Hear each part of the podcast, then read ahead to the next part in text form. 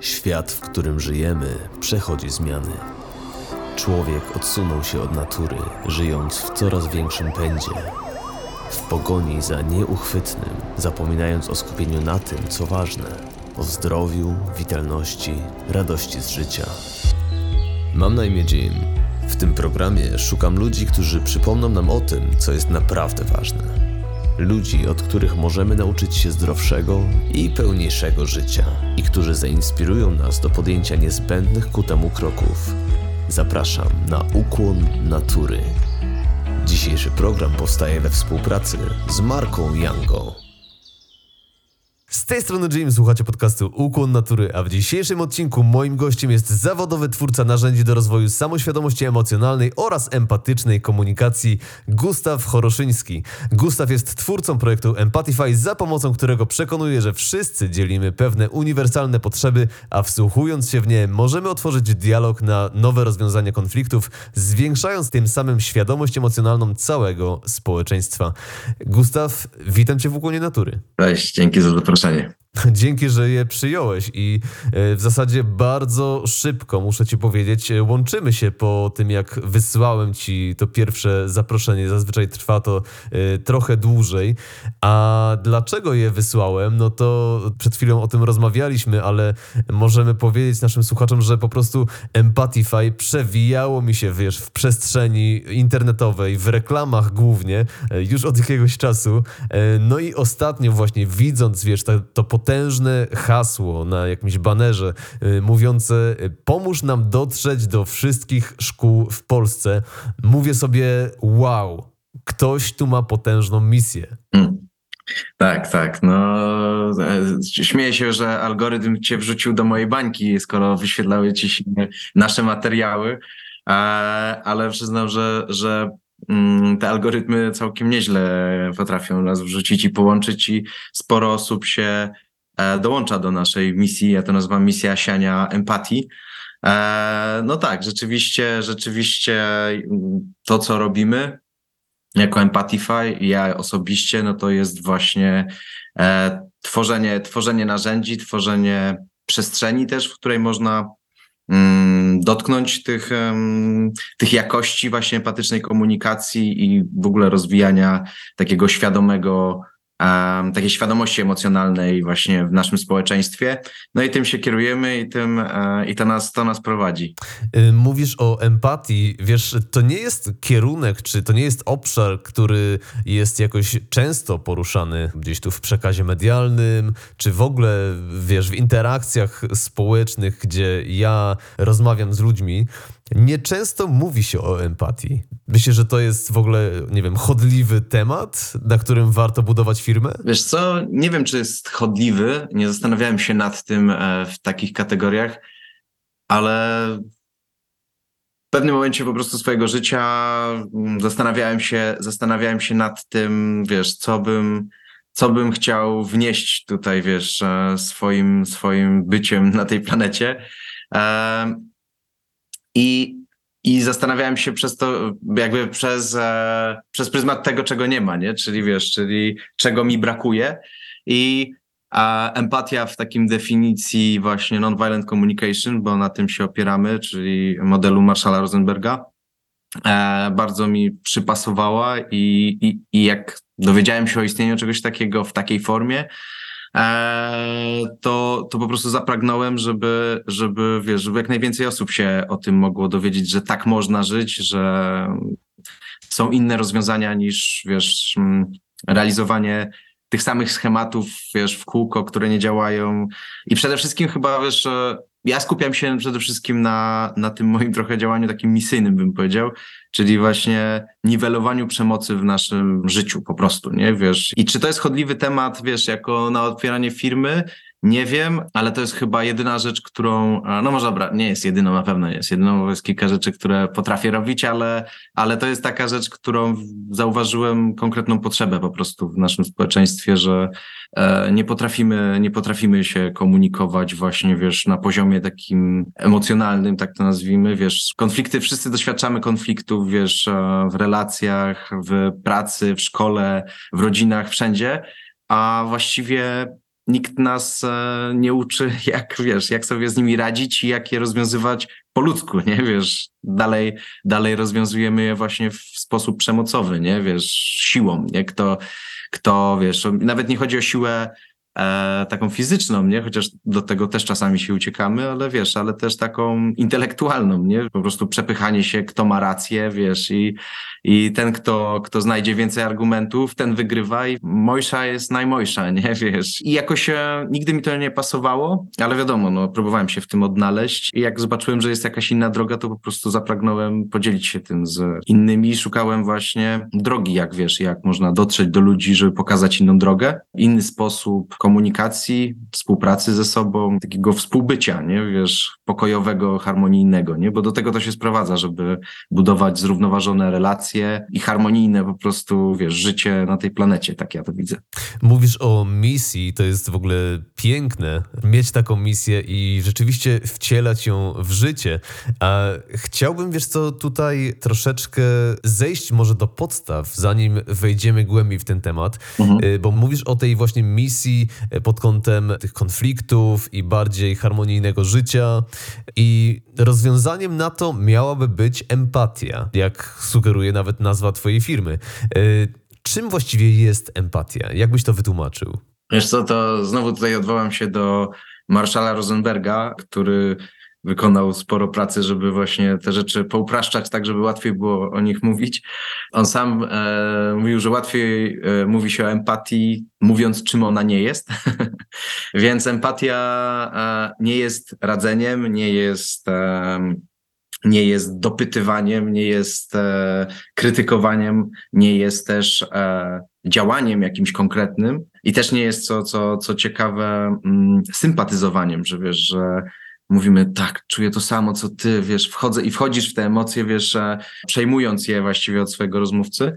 I empatia taką, jaką, e, jak ja ją rozumiem, jest naszą świadomością tego, co się wokół nas dzieje i co się dzieje przede wszystkim w nas samych. I jeżeli dajemy sobie empatię, czyli przyzwolenie, przyzwolenie na to, że czujemy, że mamy potrzeby, że jesteśmy indywidualną jednostką, która, która ma prawo właśnie do, do czucia i potrzebowania i bycia właśnie indywidualną jednostką, możemy wziąć za to odpowiedzialność, możemy zacząć wpływać na, na swoje otoczenie właśnie dzieląc się tymi samymi jakościami, czyli też pozwalając innym być po prostu, nie? Czyli być człowiekiem, czuć i potrzebować, bo to nas właściwie odróżnia, wiesz, od, nie wiem, sztucznej inteligencji na przykład, nie? Ona nie czuje, nie? Wiesz, jeszcze, może kiedyś zacznie, nie wiem, ale ale to, czym, czym wiesz, jakby w ogóle stawiamy nacisk na inteligencję i właśnie na takie intelektualne rozwiązywanie problemów, a empatia, tak jak ja ją rozumiem, jest właśnie o akceptowaniu rzeczywistości takiej, jaką jest i odnajdywaniu się w niej właśnie przez tą nawigację za pomocą uczuć i potrzeb. Mhm. Y, poruszyłeś tutaj parę y, ciekawych y, kwestii. Pierwszą z nich jest to, że w ogóle, wiesz, empatia to jest chyba, no przynajmniej przeze mnie, coś kojarzonego z tym, że wczuwamy się w to, co druga osoba może czuć. Czy zwracamy uwagę na te jej odczucia i potrzeby, a ty skierowałeś empatię do siebie, co jest dla mnie w ogóle, wiesz, czymś zupełnie nowym, jeśli chodzi o samo to określenie empatia. Tak, tak. Dzięki, że, że zwracasz e, na to uwagę. Z empatią do siebie, do siebie jest e, to rzeczywiście pojęcie, z którym też się mm, po raz pierwszy spotkałem właśnie w kontekście porozumienia bez przemocy, czyli nonviolent communication. W ogóle to wywodzi się ze szkoły psychologii indywidualnej, czyli właśnie brania odpowiedzialności za siebie przede wszystkim i określania tego, co jest w moim zasięgu, w moim, wiesz, w kręgu wpływów, a co jest poza nim. Nie? I empatię rozumiem właśnie przez pryzmat dwóch takich e, elementów, czyli właśnie empatii do siebie, rozumienia swoich uczuć i swoich potrzeb, tak jakby można to uprościć, wprowadzić w taki, w taki sposób myślenia, który pozwala nam jakoś to ogarnąć. Czyli empatia dla siebie to jest akceptowanie i rozumienie e, swoich potrzeb stojących za uczuciami, a empatia dla innych to jest akceptowanie innych osób i wczuwanie się w ich uczucia i potrzeby, nie? I to rozróżnienie pozwala właśnie określić, wiesz, czy, czy w chwili obecnej kieruję uwagę do siebie, żeby zrozumieć swój wpływ i odnaleźć się, wiesz, zakotwiczyć się de facto właśnie w rzeczywistości, nie? Czyli jak ja w tym momencie się czuję, jak ja, wiesz, jakie, jakbym nawet teraz, wiesz, miał zrobić szybki, wiesz, szybki wgląd, nie? No to mogę szybko sobie określić, że czuję jakiś, wiesz, jakąś e, ekscytację, jakieś pobudzenie, nie? Wiesz, e, i to, to są informacje o jakichś moich potrzebach, nie? Wiesz, i teraz jeżeli połączę się ze swoimi potrzebami, na przykład, że potrzebę dzielenia teraz zaspokajam, nie? Dzielenia się jakiegoś wkładu, wtedy mogę bardziej świadomie podejmować decyzje, co chcę robić, nie? Wiesz, czyli brać odpowiedzialność za, za siebie i za to, jaki mam wpływ na swoje otoczenie i decyzją, wiesz, która może z tego wynikać, może być na przykład, że się chce wczuć w kogoś. Jeżeli widzę, że ktoś tego potrzebuje, jeżeli ktoś jest, wiesz, w emocjach, wiesz, zalewają go emocje, jak to się zwykło mówić, no to mogę na przykład podzielić się tą empatią z drugą osobą i pomóc jej nawiązać kontakt ze sobą, nie? Jakby efektem empatii bym powiedział, że jest jasność w głowie i luz w ciele, nie? Wiesz, Ciekawe. Albo w, w odwrotnej kolejności. Luz w ciele i jasność w głowie, nie? Jakby, jakby ja tak rozumiem efekt, jaki daje empatia, więc jak mam jasność, wiesz, w głowie na przykład czego chcę w tym momencie, no to mogę w zgodzie ze sobą działać po prostu, nie? A jednocześnie właśnie ten, ten model e, NVC zakłada, że wiesz, no nie jesteśmy sami, nie? Że wiesz, że jesteśmy częścią wspólnoty i odnajdujemy się sami w tłumie, żeby wiedzieć, na co mam wpływ, ale nie jesteśmy odłączni od tego tłumu, nie jesteśmy, jesteśmy częścią społeczeństwa, wspólnoty dlatego, dlatego dążymy do zaspokojenia potrzeb wszystkich osób, nie wiesz, rzeczy w sensie osób, wszystkich potrzeb po prostu, jakby nie rozróżnia się tutaj, że są potrzeby moje, twoje, tylko są po prostu potrzeby do zaspokojenia, nie? Jak to nie rozróżnia się potrzeby moje, a twoje? znaczy wiesz, e, na poziomie... Na Przecież poziomie... moje są ważniejsze. wiesz co, znaczy w celach praktycznych się je rozróżnia, nie? Wiesz, e, żeby właśnie na poziomie takim, wiesz, bycia zwykłym człowiekiem, który żyje sobie z dnia na dzień, no to rzeczywiście no jakby jesteśmy, wiesz, e, osobnymi jednostkami, które dbają o swoje potrzeby, nie? Ale to, o czym powiedziałem przed chwilą, o tym braku rozróżnienia, to jest takie zaproszenie do tego, żeby patrzeć szerzej, że życie nie kończy się na, wiesz, na, na mnie, nie? I na czubku mojego nosa, tylko życie jest czymś e, o wiele szerszym niż ja. I myślę, że jeszcze do tego wrócimy, bo to jest trochę osobny temat w ogóle właśnie, wiesz, jak potrzeby uniwersalne pozwalają nam rozwiązywać konflikty właśnie w pokojowy sposób. Znaczy, możemy przejść do tego teraz, ale Wiesz co, jestem... wolałbym przejść do tego za chwilę, dlatego że tutaj zaczynamy powoli wchodzić w meandry e, dosyć głębokie, jeśli chodzi o empatię, o nonviolent communication i tak dalej. A chciałbym jeszcze, zanim tam pójdziemy, przybliżyć naszym słuchaczom Twoją osobę i w ogóle Twój projekt Empatify. Czym jest Empatify? I jak to się wszystko zaczęło. Skoro już mamy wyjaśnione podstawy tego, czym jest empatia, to czym jest Empatify? Empatify jest firmą, która produkuje narzędzia, tak jak sam wspomniałeś, do samorozwoju, mm, inteligencji emocjonalnej, tak można to nazwać, albo jakiejś świadomości emocjonalnej i rozwiązywania konfliktów w pokojowy sposób albo bez przemocy. Tak by można było to określić, jeżeli chodzi o to, co, co robimy, ale także tworzymy społeczność, ludzi, którzy, którzy podzielają takie podejście właśnie bezprzemocowe i które pragną rozwijać swoje zdolności komunikacyjne i budować bardziej harmonijne życie. Tak bym to e, określił. Jak w ogóle zabrałeś się za tworzenie takiej firmy? Wspomniałeś wcześniej, że e, no, widziałeś taką potrzebę. Natomiast na stronie Empatify no, przeczytałem e, nieco rozleglejszy opis. tak, na stronie, na stronie jest rozleglejszy opis tego, co sprawiło, że, że zająłem się tym tematem, aczkolwiek to i tak jest skrócona wersja. E, wiesz, e, zastanawiam się, jak, ile mamy czasu nie? i jak głęboko możemy wchodzić. Wejdźmy głęboko. E, wejdźmy w głęboko. Dobra. No to na stronie jest opisana historia mojego Gucia, czyli mnie, który zmagał się z emocjami, tak to nazwijmy, i swoimi problemami, ale tak naprawdę, wiesz, jak, jak Carl Rogers mówił, że most personal is most universal, nie, wiesz, i mam wrażenie, że wiele osób e, podziela historię mojego Gucia dlatego się nią podzieliłem. Tak, wiesz, ja pochodzę z warszawskiej Pragi i tak, e, żeby było śmieszniej, to byłem skinheadem, więc przemoc była, e, że tak powiem, obecna w moim życiu. Wiesz, w ogóle dopiero od niedawna, jak wiesz, zacząłem analizować bardziej świadomie właśnie, wiesz, skąd pochodzę, to wiele rzeczy mi się wyjaśniło, nie? Ale zdałem sobie sprawę, że nie wiem, strzelanina pod oknem, wiesz, kałuże krwi pod e, kamienicą obok, nie, czy odwiedzanie kolegi, który mieszka po drugiej stronie ulicy i mijanie, wiesz, narkomanów, którzy zażywają właśnie w tym momencie heroinę. To nie jest zdrowe środowisko, w którym wychowuje się taki dostosowany społecznie, dostosowanie, dostosowana społecznie jednostka, nie? O tak bym to nazwał. Więc mam dużo wyrozumiałości dla swoich decyzji z dzieciństwa i wiesz, tam nastoletniego okresu.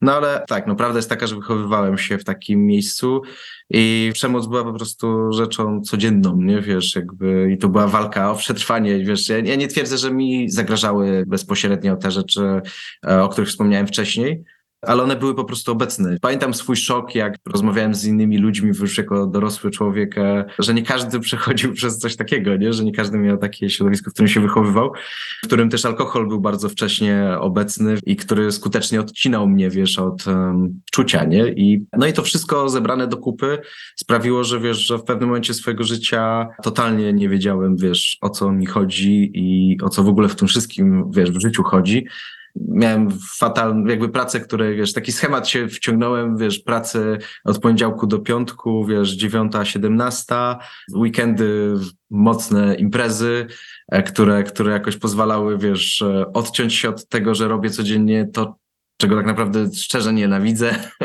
No i to doprowadziło w pewnym momencie do jakiegoś załamania, w którym po prostu chciałem ze sobą skończyć, nie wiesz. Już nie widziałem zupełnie, zupełnie drogi dla siebie, nie?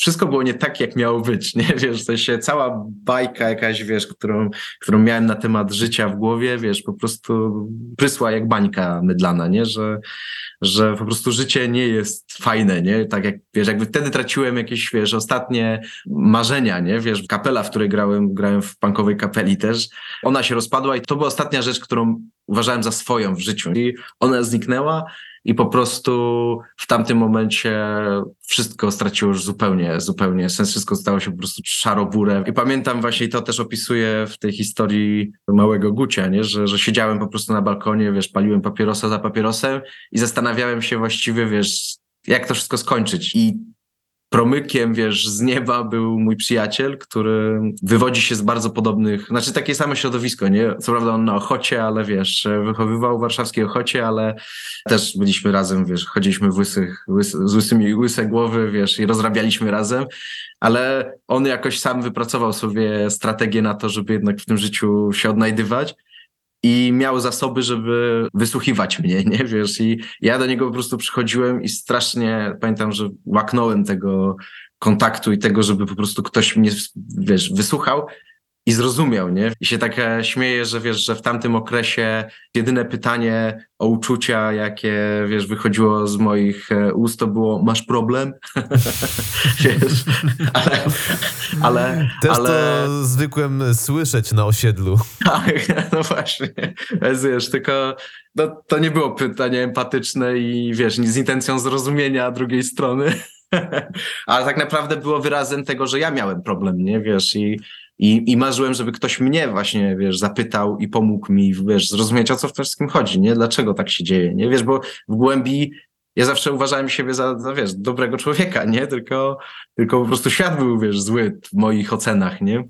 Ciekawe jest to, że jakby najbardziej podstawową rzeczą, jakiej łaknąłeś wtedy, było właśnie to, żeby ktoś zrozumiał, żeby ktoś cię wysłuchał. Tak, tak, właśnie wiesz, to jest, to w ogóle cierpi, na to cierpi nasze społeczeństwo, nie? że my nie słuchamy z intencją zrozumienia, a słuchamy z intencją odpowiedzi, nie, wiesz, i, i to nas odłącza właściwie, wiesz, od, od życia w nas, bo jakby nabudowujemy cały czas, wiesz, jakieś idee na, na to, czego doświadczamy, a wystarczy po prostu trochę odwagi i posłuchać, co tam się dzieje. Ale wyobrażam sobie, że wiesz, że mnie dla mnie nie znajdywali wcześniej dorośli właśnie empatii, bo prawdopodobnie bali się, że wiesz, otworzą puszkę Pandory, nie? Że po prostu jak zacznę mówić, co się ze mną dzieje, no to wiesz, to może będzie jeszcze gorzej, nie? Wiesz, tak, tak sobie wyobrażam, tak sobie to tłumaczę. A dlaczego y, trzeba odwagi, żeby słuchać? Właśnie z tego, z tego powodu, nie? Że wiesz, że to słuchanie zakłada, że nie wiesz, nie? A my się boimy tego, czego nie wiemy, wiesz, i to jest wchodzenie w nieznane, nie? Wiesz, to Mm. może zburzyć cały twój obraz rzeczywistości. Wiesz, my, my jak rozmawiamy z innymi, to my tak naprawdę rozmawiamy z obrazami tych ludzi w naszych głowach, nie? Wiesz, zro, zrobiliśmy na sobie pierwsze wrażenie, wiesz, ja z tobą i wiesz, i jakby już w naszych głowach jest ten obrazek, z którym teraz rozmawiamy i w ogóle, wiesz, jakby patrząc na, na sam akt, tak od strony fizycznej, wiesz, fizyki, nie? Wiesz, czym jest komunikacja, nie? No to ja mówiąc teraz, że zmieniam ciśnienie powietrza, wiesz, za pomocą swoich ust i strun głosowych i przepony, a twoje uszy i cały, wiesz, aparat e, słuchowy e, wyłapują te zmiany ciśnienia i nadają im znaczenie, nie? Więc tak naprawdę... Cały ty powstajesz w mojej głowie. Dokładnie, dokładnie. Wiesz, przynajmniej tak twierdzi e, nauka na ten temat, wiesz, neurologia i neuronauki w ogóle się rozwinęły bardzo w ostatnim czasie i, i tak to tłumaczą, nie? Jakby ja nie znam lepszego wytłumaczenia, dlaczego, dlaczego jak to działa. To jest w ogóle niesamowita rozkmina dla mnie, bo to wchodzimy już w zakres tego, czym jest rzeczywistość, czym jestem ja i uwielbiam w ogóle te tematy, uwielbiam te kierunki. No właśnie i, i, i wiesz, i to jest właśnie przerażające, nie? Bo jeżeli, jeżeli zaczynamy sobie zdawać sprawę, że nie widzimy świata takim, jakim jest, a takim, jakim my jesteśmy, nie? To chyba go tego słowa, zaczyna się robić grubo, nie? Wiesz, w sensie takim, że, że wszystko Jest naszym odbiciem. tak, jest naszym odbiciem i wiesz, jakby okazuje się, że całe nasze życie i to, czego doświadczamy, jest w naszych rękach. I już nie ma Wow. kogo obwiniać e, i na kogo wrzucać odpowiedzialności, nie? I tutaj, i mam wrażenie, że to jest najbardziej przerażające, nie? Mówisz, że to może być przerażające, a ja widzę w takim wzięciu odpowiedzialności, ja widzę zaproszenie do wolności raczej niż przerażenie. Tak, tak, widzisz. Widać, że odrobiłeś pracę domową. w sensie takim, że pracę domową, jaką uważam, że mamy zadaną jako ludzie, nie? Czasem przepisuję od znajomych przed lekcją. Tak, ja też, ale to wiesz, między nami. ale dokładnie, dokładnie wiesz, e, uchwyciłeś esencję jak dla mnie tego, tego co, o czym rozmawiamy, że wiesz, tutaj też nauka, nauka nie ma jedno, jednoznacznej odpowiedzi, czy wiesz, czy ta wolna wola istnieje, czy nie istnieje, ale ze swojego własnego doświadczenia, wiesz, lepiej mi się żyje, kiedy wierzę, że, że mam wolną wolę. I to jest właśnie droga do tego, żeby, żeby tą wolność uzyskać, nie? Czyli żeby właśnie zrozumieć, na co mam wpływ, a na co nie mam wpływu. I do tego właśnie sprowadza się cały ten em, model, nie? o którym rozmawiamy, czyli, czyli nonviolent communication, właśnie żeby wziąć tą odpowiedzialność, żeby w jakiś sposób uzyskać niezależność. Mi się to podoba rozróżnienie, które, którego używa Covey, że najpierw musimy osiągnąć niezależność, żeby potem wchodzić we współzależność, wiesz, z innymi ludźmi. No to tak fajnie tam za pomocą siedmiu nawyków e, opisuje. Z zależności, pełnej zależności wchodzimy w niezależność i później wchodzimy we współzależność, tylko interdependence, nie codependence, wiesz, jak w polskim języku mamy współzależność jako jedno słowo opisujące też e, współzależnienie, nie? Więc, e, Mhm. więc tutaj stawiam to rozróżnienie, że to jest interdependence, czyli jakby takie przerośnięcie siebie samego, żeby właśnie objąć większy kawałek rzeczywistości, no bo mamy wpływ też na innych, jakby nie ma co się tutaj oszukiwać i inni mają na nas, tylko e, i tutaj właśnie jest ten piękno modelu uczuć i potrzeb, że skupiając się na swoich uczuciach i potrzebach i biorąc pod uwagę uczucia i potrzeby innych, właśnie możemy tworzyć e, brać odpowiedzialność za większy kawałek rzeczywistości, nie? Ale wiadomo, że to jest zależne od naszych zasobów. Jeżeli głodujesz, nie wiem, nie masz dachu nad głową, wiesz, grozi ci jakieś realne zagrożenie, to jest trudno wchodzić na wyżyny naszej świadomości i obejmować, wiesz, e, szerszy kawałek. I wtedy skupiamy się raczej, raczej na bardziej przyziemnym po prostu przetrwaniu. To już tłumaczy nawet y, piramidę Masłowa, prawda? Która Tak. jest piramidą potrzeb po prostu i te potrzeby bardziej podstawowe no mają priorytet. Dopiero zaspokoiwszy je, możemy wejść y, stopień wyżej i skupić się na innych potrzebach. No tak, tak. Piramida Masłowa gdzieś jest fajnym takim zarysowaniem tego, jak można to postrzegać. Takiej naturalnej hierarchii, nie? Właśnie nie hierarchii dominacji, w której coś jest ważniejsze od czegoś innego, tylko po prostu, że wiesz, coś wynika z czegoś, nie? I że bez tego, co jest na dole, nie może istnieć to, co jest na górze, nie? W takim postrzeganiu tego można się tym posiłkować i też uważam, że to jest dobry kierunek. Chociaż też mam takie doświadczenie, że jak już się raz dotknie tych, tych wyższych poziomów, to potem już wiesz, można mieć większy wpływ na te też takie fizjologiczne nasze reakcje, w sensie takim, że głodówki chociażby na przykład, nie? Dla kogoś, kto nie ma jakiegoś takiego głębszego wglądu w swój lęk i w ogóle w rozumienie, jak działa nasza psychika, to wiesz, to, to głodówka jednodniowa może być, wiesz, wyzwaniem i w ogóle budzić przerażenie, wiesz, i, i taki realny lęk, umrę jak nie zjem, a na przykład ja pościłem kiedyś przez 10 dni i po prostu mogłem obserwować, co się we mnie dzieje w, w tamtym czasie i zdawać sobie sprawę z tego, że to jest e, po prostu mój lęk, ale pomagała mi w tym wiedza. Doedukowałem się i Wiedziałeś, wiem, że człowiek czego może... się spodziewać też, prawda? Więc dawało ci to perspektywę na, na to, co się dzieje, co odczuwasz. Tak, te, tego, co odczuwam, ale też po prostu to, że nie umrę, nie? Wiesz, i to jest to, że człowiek może o wiele dłużej niż 10 dni nie jeść, nie? Bez wody powyżej 7 dni już raczej nie, nie przetrwamy, ale wiesz, bez jedzenia można spokojnie o wiele dłużej e, sobie poradzić. Podstawowa rzecz jest taka, że mamy sporo energii po prostu w ciele, nie? Ja, ja, nie jestem jakiś najszczuplejszy, więc tłuszcz mam, którym mogę się posilić po prostu w razie potrzeby, nie? I wiesz, to są takie trochę poboczny temat, ale po prostu to gdzieś sprowadza się do tego, że jak przytoczyłeś piramidę Masłowa, no to, że wchodząc na te wyższe poziomy i zdobywając jakąś wiedzę, można też manipulować, nazwijmy tak brzydko, tymi potrzebami takimi fizycznymi, które są niezbędne do przetrwania, nie? Mhm. A wracając do Gucia. Tak, wracając do Gucia, dobra. Zacząłeś dobra. widywać się z kolegą i szukałeś zrozumienia. Tak, tak, tak, tak. Rzeczywiście ta historia ma dalszy wpływ, wiesz, na to, na to, co się zmieniło, bo ten kolega, wtedy jeszcze tego nie wiedziałem, ale ten kolega po prostu właśnie dał mi empatię, nie? Wiesz, dał mi po prostu pełną akceptację dla tego, co się ze mną dzieje, nie? Wiesz, przez to, że mnie wysłuchiwał, i nie komentował tego w żaden sposób, po prostu, wiesz, pozwalał mi to tak brzydko mówiąc, wyżygiwać się. Pozwalał mi po prostu tak naprawdę regulować się jakoś, wiesz, e, emocjonalnie w tamtym momencie i to, to było dla mnie jak powietrze. Miałem czym oddychać dzięki temu, nie? Wiesz, że po prostu to mnie nie dusiło, tak?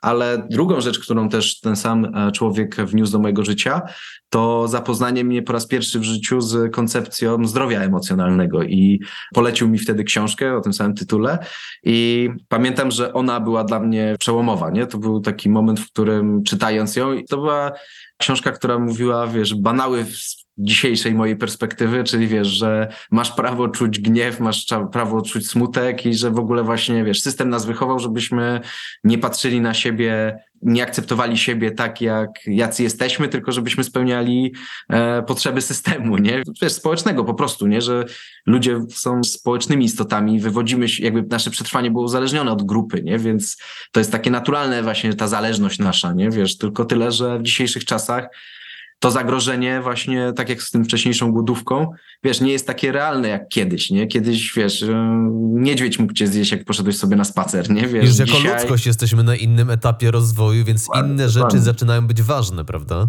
Tak jest, tak jest, ale wiesz, lęk jest ten sam, nie? I to jest właśnie, wiesz, kluczowa rzecz, że lęk jest ten sam i lęk jest e, kiepskim przewodnikiem po prostu, nie?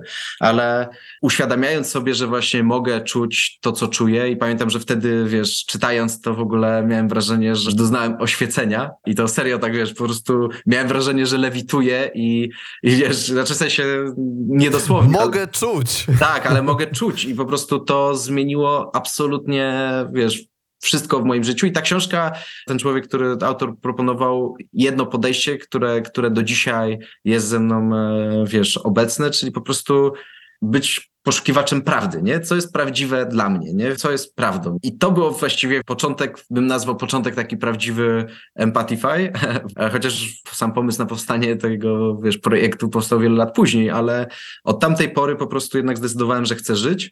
Uświadomiłem sobie wtedy, że moje życie nie ma absolutnie żadnego sensu i nie ma w nim żadnego celu. Po prostu, wiesz, że ja odbijam się po prostu, wiesz, od sytuacji do sytuacji i, i nie mam w ogóle żadnego jakiegoś, wiesz, e, pomysłu na siebie w tym wszystkim. I uświadomiłem sobie, że moim celem w życiu dzisiaj będzie znalezienie celu w życiu. I przez to, że, że wiesz, że te odkrycia ta prostota tego, że możemy czuć i jak wiele to zmieniło, wiesz, po prostu to była zmiana natychmiastowa, nie? W sensie, jak zrozumiałem, że ja mogę pozwolić sobie na to, co czuję i wtedy pamiętam, że to po prostu smutek, nie? Wiesz, ja byłem po prostu piekielnie smutny na to, że nic mi się w życiu nie udało na tamten moment, nie? Ale chyba najbardziej to, że, że nawet nie próbowałem, żeby mi się udało, bo żyłem w takim przekonaniu, że mi się wszystko należy, nie? Że życie mi po prostu będzie mnie obsypywać po prostu sytuacjami, które, wiesz, będą sprawiały, że, że będzie mi dobrze w życiu ale tak to nie działa, nie? Wiesz, i, i ta realizacja była jedną z ważniejszych rzeczy, których doświadczyłem, no bo jak nie najważniejsza właściwie, że wiesz, że, że to wszystko jednak jest w moich rękach i że mogę cokolwiek w tym życiu zrobić i od tego się zaczęło, nie? I Ile miałeś wtedy lat? 20 parę chyba, 25, Mhm. coś takiego. Super. I w tamtym momencie, i w tamtym momencie Teraz tak, no to było chyba 25 i teraz też taka, taka dygresja a propos nauki, że wiesz, do 25 roku życia e, nasze mózgi e, są bardzo plastyczne i, i jak coś zaczniemy przed 25 rokiem życia, to jest szansa, że to jeszcze będzie taką dla nas lekką rzeczą, wiesz, że później będzie tylko trzeba, wiesz, jakby popychać tą kulę, ale ona sama się toczy, nie, wiesz, ale że już nie trzeba będzie takiego wysiłku wkładać i widzę, że u mnie się to sprawdziło, ale też neuronauki zdradzają, że uczymy się do końca życia, tylko po prostu po 25 roku życia jest trochę trudniej, ale jakby Tak, nie neuroplastyczność nieco się zmniejsza, ale to też na to, na neuroplastyczność ma też wpływ styl życia i ona dalej może być wysoka, jeśli odpowiednio do tego podejdziemy. Tak, zgadza się, więc, e, więc tutaj warto o tym mówić dla osób, które już skończyły 25 rok życia, ale wiesz, ale dla osób, które jeszcze... Dalej możemy się uczyć. Tak, dalej możemy się uczyć i właściwie to jest, wiesz, to jest jakiś, nie wiem, ja, ja widzę w tym sens w ogóle właśnie naszego bycia jako ludzi, że możemy się uczyć i rozwijać i wzrastać, nie? Wiesz, Wow. właśnie osiągać coraz wyższe jakieś e, stadia rozwoju naszego, ale wracając do tej realizacji, której doświadczyłem, że każdy może, wiesz, że możemy czuć, że jesteśmy ok, tacy jacy jesteśmy, że mamy jakieś zachowania, które może nie są ok, może trzeba nad nimi pracować, ale wiesz, ale że tak w samym, wiesz, istocie jesteś żywym człowiekiem i masz prawo być sobą, nie wiesz? I to pamiętam, że było dla mnie właśnie ogromnie, wiesz, odmieniające moje życie i wtedy zapragnąłem, że w pierwszej kolejności, wiesz, moi rodzice i moje rodzeństwo muszą się o tym dowiedzieć, nie wiesz, że ich będę edukował, wiesz, e, o tym, jak żyć. Syndrom Zbawiciela. Tak, tak, tak, tak, tak, tak, dokładnie. Nie? Ale teraz jestem świadomy tego, że każdy ma swoją drogę do przebycia i nie każdy jest właśnie. Ja też później doświadczałem, że dawałem tą książkę innym osobom do czytania i oni nie doświadczali tego samego co ja, nie? Więc, więc to jest to, że każdy ma swój moment, w którym jest gotowy wejść krok wyżej, nie? Czy tam krok dalej, nie? I Miałem podobne doświadczenie, jak y, przeczytałem kiedyś y, Potęgę Teraźniejszości. Tolle, że po prostu Tak. każdego chciałem obdarować tą książką i nie rozumiałem, jak to jest, że inni nie wyciągają z niej tego, co ja. tak, tak, tak, tak. To, no to wiesz, same here. Dokładnie. Ale tam się to zaczęło, nie? I w ogóle ta realizacja pozwoliła mi. Zdecydowałem, że będę żył właśnie, wiesz, autentycznie po prostu. Więc jedną z pierwszych rzeczy, którą zrobiłem, to było rzucenie pracy. Po prostu, wiesz, w przeciągu chyba dwóch tygodni po prostu rzuciłem robotę i, i, jolo, nie? Zobaczymy, co się wydarzy, ale po prostu wiedziałem, że nie, nie jestem w stanie po prostu tam, wiesz, spędzać ani chwili dłużej, nie? Bo wyobraź sobie, wiesz, to było tak, że skinheada, czy tam wiesz, jakiegoś skinheadopunka, bo to w tamtym okresie, w którym ja się wychowałem, to to się mieszało, to nie było takie sztywnego podziału, to wszedłem w garniak, krawat i jakby próbowałem być salesmanem, nie? Jakby to, ja się, jak widziałem kogoś z mojego towarzystwa gdzieś na ulicy, to po prostu marzyłem, żeby mnie nie zobaczył, nie? Wiesz, po prostu się wstydziłem, nie? I, i to totalnie było niezgodne ze mną, ale no nie, nie, nie miałem innego pomysłu wtedy. I wyobraź sobie że wiesz, że będąc czymś takim, jak uświadomiłem sobie, to, co robiłeś do tej pory, buntując się w jakiś sposób, jest okej, nie? To jest, wiesz, to jakby szukaj po prostu tego, co będzie działało, a nie głódź się na, wiesz, półśrodki, na kompromisy, nie? I, i rzuciłem tą robotę i w przeciągu jeszcze nawet na okresie wypowiedzenia znalazłem i zostałem zaproszony do innej pracy e, i to była praca w Domu Strachów w ogóle. W domu strachów. tak, ale, ale a ja... Skinhead w domu strachów. Tak, tak, wiesz, akurat w straszeniu byłem zawsze niezły, wiesz, więc akurat to naprawdę poczułem, że wiesz, że to jest moje miejsce. To jest to. Tak, to jest to, tym bardziej, że wiesz, że jestem fanem horrorów, nie? I uwielbiam horrory, więc po prostu to było takie strzał. I powiem ci, że wiesz, że ja to lubię nazywać, że jak wiesz, jak żyjemy w prawdzie, tak to nazwijmy, czy w autentyczności, to wiesz, że kosmos po prostu cię wspiera, nie? Wiesz, że, że, że po prostu wszystkie rzeczy zaczynają się układać, bo popracowałem tam, nie wiem, może dwa miesiące albo trzy i spotkałem przyjaciela, który, wiesz, z którym nie widziałem się 10 lat. I wiesz, bo tę pracę strasznie mało zarabiałem, 6 zł za godzinę zarabiałem, nie? Więc wiesz, więc jakby w Warszawie utrzymanie się za te pieniądze było tragiczne. tragiczne. Chyba gdziekolwiek utrzymanie się za te pieniądze byłoby trudne. No, więc wiesz, więc e, dorabiałem w, w różnych jakichś takich, wiesz, paradokumentach, jakichś takich sytuacjach, gdzie na przykład użyczałem właśnie głosu z OFU, nie? Których no, nieważne, nie? W każdym razie na tym planie filmowym spotkałem mojego kumpla, którego nie widziałem 10 lat i mówiłem mu, stary, pracuję w takim miejscu, wiesz, w tym domu strachu, wiesz, że to jest po prostu świetne, a że ja wiem, jak to zrobić lepiej, nie? Że mam na to pomysł i po prostu zrobiłbym to lepiej. A on mówi, o, to ciekawe, bo akurat mam trochę więcej kasy i szukam pomysłu na biznes. I wyobraź sobie, że od momentu, wiesz, od momentu rzucenia tej pracy i tej mojej realizacji do momentu, kiedy już mieliśmy lokal, w którym budowaliśmy mój dom strachu, e, minęły trzy miesiące, nie? I zaczęliśmy robić właśnie Fear Zone, bo tak się nazwaliśmy. Fear Zone. Tak, tak. I... Strefa strachu. No i, i powiem ci, że to było, to była, no to było coś mojego po raz pierwszy w życiu takiego, że naprawdę to wychodziło i działało, ludzie się bali. Byliśmy podobno najstraszniejsi, wiesz, w Polsce, w Europie takie głosy, a najdalszy, wiesz, najdalsza osoba, e, z której, z której, od której opinię dostałem, to z Japonii, nie? Wiesz, która też twierdziła, że jesteśmy najstraszniejsi. A E, oni potrafią tworzyć strachy. Potrafią, znaczy wiesz, w ogóle potrafią tworzyć pokręcone rzeczy, ale u nas też były, wiesz, e, było grubo. I tam skupiłem się na tym lęku, nie? Wiesz, jakoś tam e, miałem taką, wiesz, wewnętrzne poczucie, że może to jest właśnie mój cel, że ja będę pokazywał ludziom przez doświadczenie, czym jest lęk, nie? Wiesz, bo ludzie się naprawdę bali. Mieliśmy, wiesz, bo to nie jest taki, wiesz, plastikowe szkielety i jakieś, wiesz, kolejką jedziesz przez jakieś sceny z, wiesz, z wampirami, nie wiem, czy jakimiś takimi, no, tandetą, tylko to było tak, że my dawaliśmy ludziom latarkę, która kiepsko świeciła, zbudowaliśmy od zera w ogóle labirynt taki w piwnicy, w takiej przedwojennej kamienicy w centrum Warszawy, która była w ogóle 10 metrów pod ziemią, bo to był jakiś, wiesz, schron czy coś w tym stylu, więc wiesz, więc to było... mm, Już samo w sobie było straszne pewnie. Samo w sobie, tak. I, i jeszcze do tego a, a byli prawdziwi aktorzy, którzy animowali całe przejście. I wiesz, my dawaliśmy normalnie hasło bezpieczeństwa, z którego mogli skorzystać e, uczestnicy i korzystali bardzo chętnie, nie? Z tego, żeby przerwać po prostu, przerwać rozgrywkę w trakcie. I miałem taką, wiesz, wtedy taki, takie wyobrażenie, że właśnie będziemy pokazywać ludziom, zobacz, tak reagujesz, wiesz, na strach w sytuacji, w której wiesz, że będziesz się bał, wiesz, czego się spodziewać, płacisz za to i na przykład były takie sytuacje, że przychodziły, wiesz, jakieś takie schabiki, koksiki i w momencie takiej kulminacji zasłaniali się swoimi partnerkami, nie, wiesz, i po prostu, a my to wszystko na kamerach, wiesz, oglądaliśmy, nie. Potem, wiesz, po wyjściu te dziewczyny, jak wiesz, wiesz, co ty zrobiłeś, jesteś, wiesz, mogę na ciebie liczyć, wiesz, takie, takie rzeczy, nie, więc, więc my mieliśmy kupę bawu, ale wiesz, taki było właśnie, idea była taka, że będziemy edukować ludzi ze strachu, nie, że wiesz, że... Sytuacje ekstremalne jakby pokazują, kim jesteśmy, nie? U samych podstaw. Zdecydowanie, właśnie wiesz, właśnie wychodzi z nas, nie? Wychodzi z nas, że.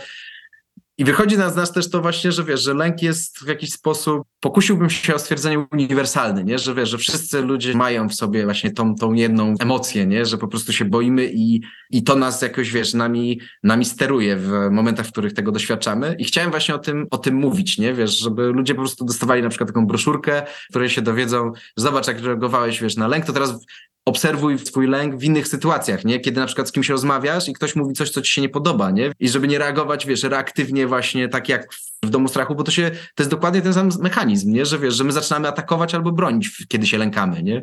Pięknie, czyli już wtedy y, na etapie tworzenia domu strachu, już wtedy chciałeś edukować na temat y, emocji i poszerzać samoświadomość. Tak, tak, to było, to było, wiesz, chociaż, chociaż wtedy jeszcze to nie było tak, wiesz, skrystalizowane i dom strachu gdzieś tam u samej podstawy był przede wszystkim rozrywką, ale gdzieś czułem, że wiesz, że nadal nie mam tego głębszego sensu w tym, nie? Że zrobiłem coś fajnego, ludzie mnie, wiesz, doceniają za to.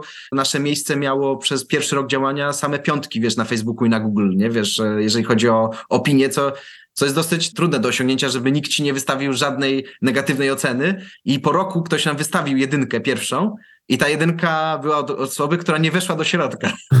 To jak Więc to? wiesz, no to była, wiesz, bo gdzieś tam się pospinał z, z obsługą, nie, wiesz, i, i, i za to nas ocenił, ale nie ocenił jakby, wiesz, samego dzieła, tylko po prostu jakoś, no ale wiadomo, no to też się liczy, więc wiesz, więc wtedy nam ocena spadła do 4,9, Mm. ale to było, wiesz, tak uważam za, za osiągnięcie, ale jednak to była przede wszystkim rozrywka.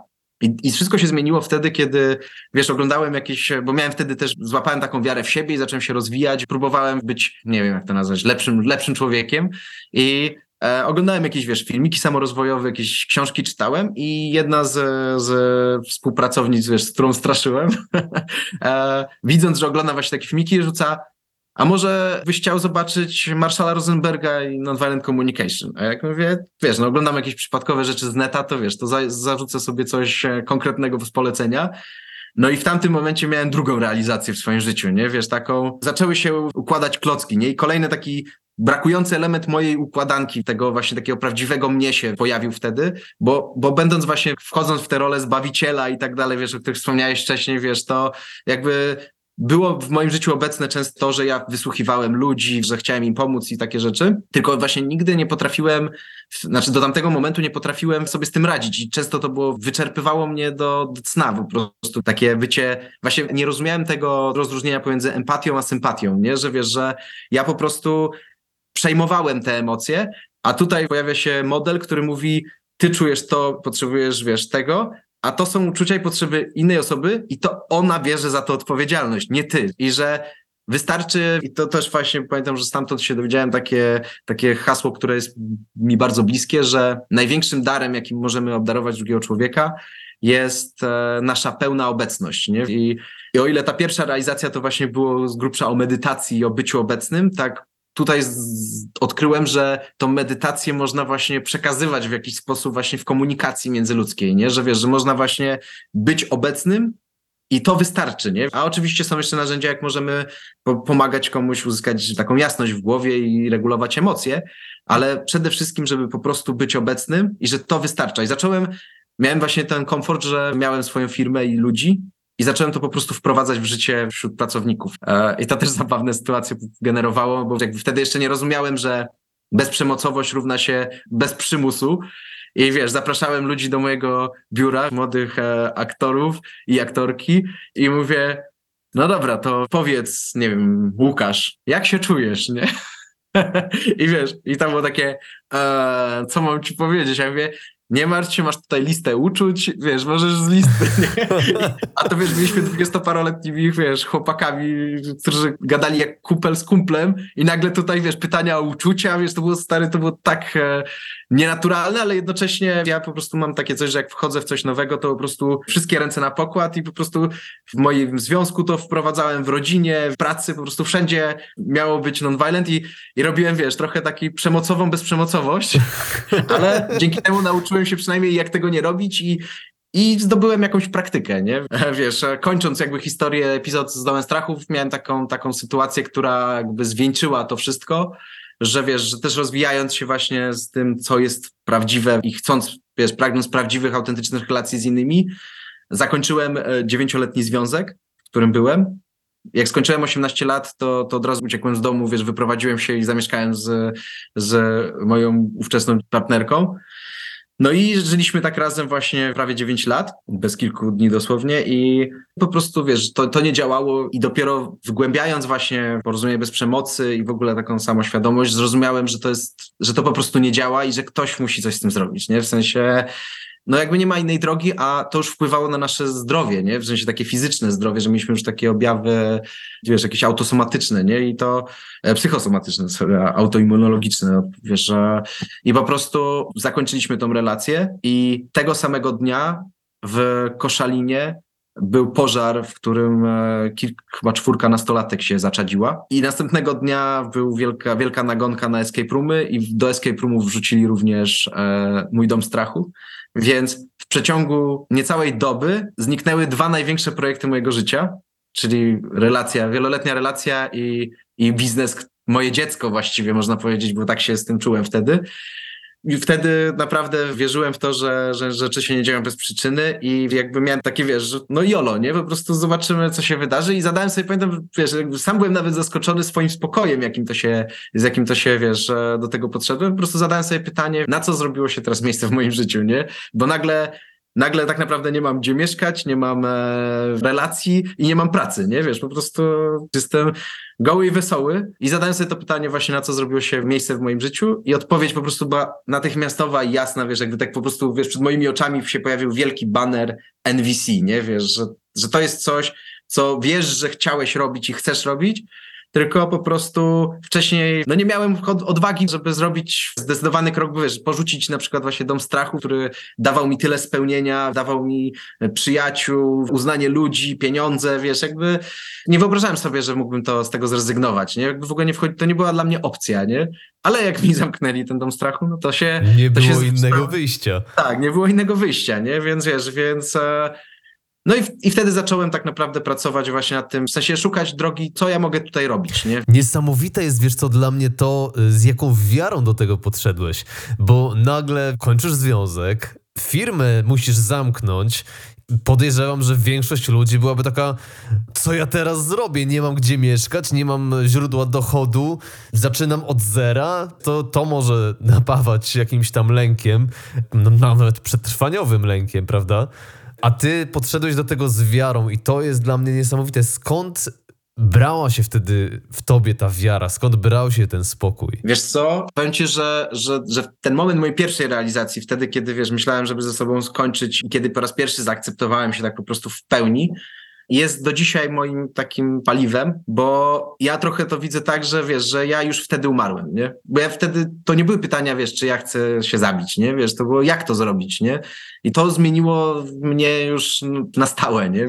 I to nie jest tak, że ja się nie lękam, nie? I wtedy też na pewno pojawiły się we mnie jakieś obawy, tylko po prostu nie boję się do tego przyznać, że nie wiem, co dalej będzie, wiesz, że będą jakieś wyzwania, ale jednocześnie dało mi to też takiego powera, znaczy w sensie w ogóle mam takiego, takie zaufanie do tego, że wiesz, że, że jakoś będzie, a ja na pewno sobie poradzę, nie? Że po prostu to się trochę sprowadza do, do po prostu bycia, wiesz, w chwili obecnej, nie? Do tego staram się wracać w każdym momencie, kiedy zdam sobie sprawę, że, że nie jestem w chwili obecnej. No jakby w chwili obecnej, nawet jeżeli zamknęli mi firmę i, i skończył się mój związek, który w wielu aspektach był bardzo wspierający, nie? To nadal w chwili obecnej jakby nie ma żadnego problemu, nie? Nadal żyję, nadal oddycham, wiesz, nadal w ogóle jestem, wiesz, zdrowy, to też jest mega przywilej być w pełni fizycznie sprawnym i zdrowym. Po prostu miałem takie zobaczymy, nie? Zobaczymy, co się wydarzy, a jednocześnie właśnie odkrywając siebie, bo dla mnie z tym rozwojem i nauką to jest, to jest ciągłe odkrywanie siebie, nie? Co działa w tym człowieku, w którym jestem, nie? I jedną z tych rzeczy właśnie jest to, że działa działa właśnie ta empatyczna komunikacja, nie? To jakoś po prostu mi wychodzi, nie? Wiesz, i, i zamiast skupiać się w jednych z tych takich, wiesz, samorozwojowych e, filmików, dowiedziałem się, że warto, wiesz, skupiać się na tym, na mocnych stronach, bo ich jest kilka, a nie na nieskończonej ilości rzeczy, w których nie jesteśmy mniej niż idealni, nie? I wiesz, i, ja po prostu z- odkryłem, że moją mocną stroną właśnie jest ta wrażliwość, to, że, że jakoś potrafię się wczuwać, jeżeli chcę i, i potrafię czuć siebie, a NVC dało mi jakąś taką rzecz, że widzę potrzebę, nie? że tutaj jest em, inaczej, nawet nie potrzeby, tylko że to jest jakiś model, który jest prosty do przekazania, nie? że właśnie to, co ja umiem, mogę za pomocą tego, tego modelu przekazać, nie? bo to naprawdę jest proste, nie? Wiesz, to Marshall mówi, że to jest proste, ale niełatwe, nie? I to jest jakby pełna zgoda. Ale dzięki tej prostocie tego modelu po prostu mówię, dobra, nie? Jakby to jest coś, co mi wychodzi, więc poradzę sobie jakoś, bo znalazłem tą jedną rzecz przynajmniej, wiesz, na tamten moment, oprócz straszenia, że mogę to robić i, i zobaczymy, nie? Wiesz, więc, więc tak. Więc y, obrałeś sobie za kierunek NVC i jak od tego obrania kierunku dotarłeś w końcu y, do stworzenia Empathify? Zaczęło się, wiesz, zaczę, zacząłem po prostu szukać miejsca, miejsca, wiesz, dla siebie właśnie w tym świecie NVC, nie? Wiedziałem, że są jakieś kursy, szkolenia i głównie coś takiego istnieje, ale ja siebie nie postrzegam jako nauczyciela, nie? To nie jest moja droga taka, żeby edukować bezpośrednio. Raczej widzę siebie jako osobę, która tworzy przestrzeń, w której coś może się wydarzyć, właśnie wiesz, w której można doświadczyć czegoś takiego. I zastanawiałem się po prostu przede wszystkim, bo dla mnie największym szokiem, zarówno w mojej pierwszej realizacji, że można akceptować siebie, emocje w ogóle, wiesz, i takim zdrowie emocjonalne, i drugiej realizacji, że można się komunikować z innymi, korzystając z tej samej jakości, było to, że wiesz, dlaczego ja tak późno się o tym dowiaduję, nie? Dlaczego, nie? Wiesz, i dlaczego w ogóle w moim otoczeniu nikt nic na ten temat nie wie i później się okazało, to też jest zabawne, że pół roku wcześniej, zanim ja dowiedziałem się o NVC i też oczywiście chciałem podzielić się z moją rodziną, to okazało się, że moja mama zapisała się na studia podyplomowe na Collegium Civitas, e, bo są takie studia w Polsce, gdzie można e, uczyć się NVC moja mama to znała. Ja właśnie tak, słuchaj, jest takie porozumienie bez przemocy. Ale ja to studiuję od pół roku. ale to widocznie, widocznie jesteśmy po tych samych papierach, ale to taka dygresja. Więc e, jakby to, co zauważyłem, to to, że wiesz, że, że po prostu ludzie tego nie znają, nie wiedzą, wiesz, jak sobie radzić z emocjami, jak się komunikować w taki właśnie bezprzemocowy sposób, wolnościowy a wolność jakoś zawsze była dla mnie taką ważną wartością. I uznałem, że po prostu chcę to rozpromować, nie? Chcę, żeby ludzie po prostu poznali to, nie? Mieli okazję poznać, o tak, nie? Jeżeli ktoś uważa, że wiesz, że to nie jest jego droga, to wiesz, to nie jest jakaś prawda absolutna, że każdy musi to wiedzieć, ale ja nie znam lepszego sposobu, żeby, żeby zacząć żyć bardziej harmonijnie i w zgodzie ze sobą i z innymi, nie? Więc od momentu, kiedy zamknęli mi właśnie Fear Zone i, i zacząłem szukać nowego, nowej, nowej drogi dla siebie, do stworzenia pierwszej edycji kart, bo pierwsze były karty e, uczuć i potrzeb, to chyba minęły trzy miesiące, wiesz, i też jakby, wiesz, już nie wchodzę w szczegóły, ale też właśnie poznałem Krysię, która robiła grafiki zupełnie jakoś tak, wiesz, przypadkowo i, i stworzyła właściwie ten ludek, który tam widnieje, no to to jest jej dzieło, nie? W sensie takim, że ja robiłem szkice, jak koncepcyjnie wyobrażam sobie, że są przedstawione e, potrzeby, uczucia, to były moje zdjęcia, wiesz, ekspresje, różne twarze robiłem, ale Ludka wymyśliła ona i wiesz, i, i podoba mi się w nim właśnie, że jest unisex i że to nie jest żaden konkretny kolor skóry, jeden słuszny, tylko wiesz, tylko po prostu jest to właśnie taki ludek, z którym może się utożsamić każdy. Nie? Jest to po prostu ludek. Jest to ludek, no, każdy tak. każdy Ludek. takiego rysował w zeszycie. Tak jest, dokładnie tak, nie? I wiesz, i to, i to jest z tego, wiesz, że myślę, że że, jedna z większych wartości, wiesz, albo mocnych stron właśnie kart uczuć i potrzeb z tymi ilustracjami jest to, że właśnie każdy może się odnaleźć, jakby utożsamić z tym i korzystać z e, właśnie kart. No i karty powstały jako pierwsze, ale też wtedy czytałem dużo właśnie o zaczynaniu z wizją końca i tego typu rzeczach, żeby wiesz, żeby po prostu planować w przód i ja też siebie postrzegam jako osobę, która trochę, wiesz, jest strategiem. Według talentów Gal Galupa też e, jestem e, wizjonerem. Futuristic się nazywa, wiesz, po angielsku oryginalnie ten, ten, ten talent. W każdym razie po prostu wyobrażałem sobie jakby co, co, co docelowo ja chcę z tym zrobić, a zafascynowany też byłem aplikacją Duolingo i bezpłatną możliwością nauki języków i sam się nauczyłem właśnie, wiesz, angielskiego, mimo że całą szkołę miałem angielski, to dopiero później z aplikacją się nauczyłem angielskiego i wymyśliłem właśnie, że stworzymy aplikację, która będzie uczyła właśnie komunikacji empatycznej i e, świadomości emocjonalnej i to chcę zrobić, nie? A karty były po prostu takim pośrednim krokiem, który pozwolił zacząć nad tym pracować i przetrwać przy okazji. Niesamowita historia, stary, w ogóle ile pozornych przypadków wydarzyło się, prawda? Od skinheada, który chciał się zabić, który miał problemy ze sobą, przez y, budowanie domu strachów, aż po właśnie naukę NVC, Nonviolent Communication i przekazywanie tego dalej i wizję tego, żeby powstała aplikacja, gdzie każdy będzie mógł nauczyć się swoich uczuć, emocji i tej e, komunikacji bez przemocy. Wow, no niesamowite i czekam, wiesz, co tu będzie dalej za chwilę, tak, nie? Widzę, widzę, widzę właśnie. Wspomniałeś o tym, że e, planujesz tą aplikację, ale zanim do niej przejdziemy, e, powiedziałeś o kartach uczuć i potrzeb i to jest takie pierwsze narzędzie, tak, które stworzyłeś, jeśli chodzi o Empathify. Chciałbym przyjrzeć się w ogóle temu narzędziu. No bo co? To służy do tego, żeby pomóc nam rozpoznać to, co czujemy i co stoi za tymi y, uczuciami. Czym właściwie y, są te karty, w jaki sposób ich się używa? Wiesz, tak najprościej mówiąc, to karty uczuć i potrzeb są ilustrowaną listą uczuć i potrzeb e, NVC, nie? Tak bym to nazwał. I tutaj kluczową rzeczą właśnie, która, co, co, co to znaczy w ogóle listą uczuć i potrzeb NVC? Podstawowym narzędziem, jak czytamy książkę Porozumienia bez przemocy Marszala Rosenberga, pełny tytuł to jest e, Porozumienie bez przemocy o języku serca, e, bardzo polecam, to spotykamy się właśnie z listą uczuć i potrzeb. I tutaj też jakby kluczowe są kluczowe rozróżnienia, które wprowadza właśnie Rosenberg, to jest e, e, uczucia, uczucia rzekome i uniwersalne potrzeby, które wszyscy współdzielimy, a strategie, które wybieramy, żeby zaspokajać te potrzeby. Nie? I tutaj dlatego korzystamy właśnie z listy, która pokazuje nam uczucia i uczucia rzekome. Ja nie jestem fanem słowa uczuć rzekomych, bo do tego worka wrzucamy wszystkie uczucia, które sugerują, że ktoś jest odpowiedzialny za nasze e, uczucia, za to, co czujemy. Czyli czuję się atakowany, czuję się manipulowany, czuję się oszukany. To są myśli, które udają uczucia, tak to określamy.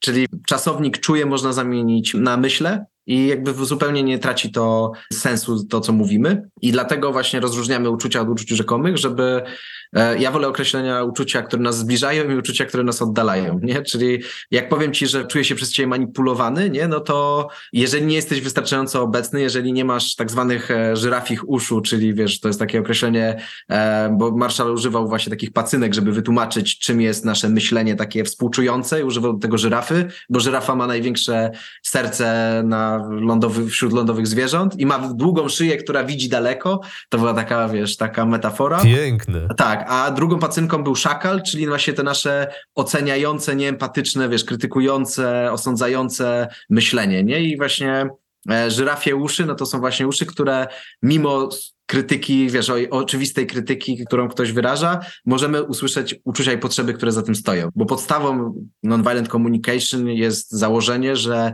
za wszystkim, co mówimy i robimy, stoją nasze uniwersalne potrzeby. I karty i listy uczuć i potrzeb, które gdzieś tam można znaleźć też na naszej stronie, pozwalają skupić się na tych słowach, które pomagają nam dotrzeć do sedna, nie? Czyli, że korzeniem każdego uczucia są potrzeby. To jest kolejne założenie właśnie, wiesz, NVC, że wszystko, co robimy i mówimy, to są, e, e, stoi za tym uniwersalne potrzeby, a uczucia są takimi drogowskazami właśnie do potrzeb, nie? Czyli słuchając przez pryzmat uczuć, możemy dotrzeć do potrzeb, a uwzględniając nasze potrzeby, możemy znaleźć rozwiązanie win-win, które, wiesz, które e, będzie pasowało wszystkim. Więc Pierwszym rozróżnieniem są te uczucia i uczucia rzekome i właśnie na kartach po prostu nie znajdziesz uczuć rzekomych, tylko same uczucia, wiesz, tak jak radość, smutek, e, e, wiesz, gniew, e, frustracja, ekscytacja, wiesz, czyli uczucia, które są, które zwiększają prawdopodobieństwo, że nie zostaną odebrane jako atak, nie? To jest coś takiego, nie? Że oczywiście jak, wiesz, ja powiem, że jestem, jestem sfrustrowany, to możesz to odebrać jako, no tak, znowu przeze mnie, wiesz, się frustrujesz, nie? Ale właśnie tutaj przychodzi z pomocą potrzeby,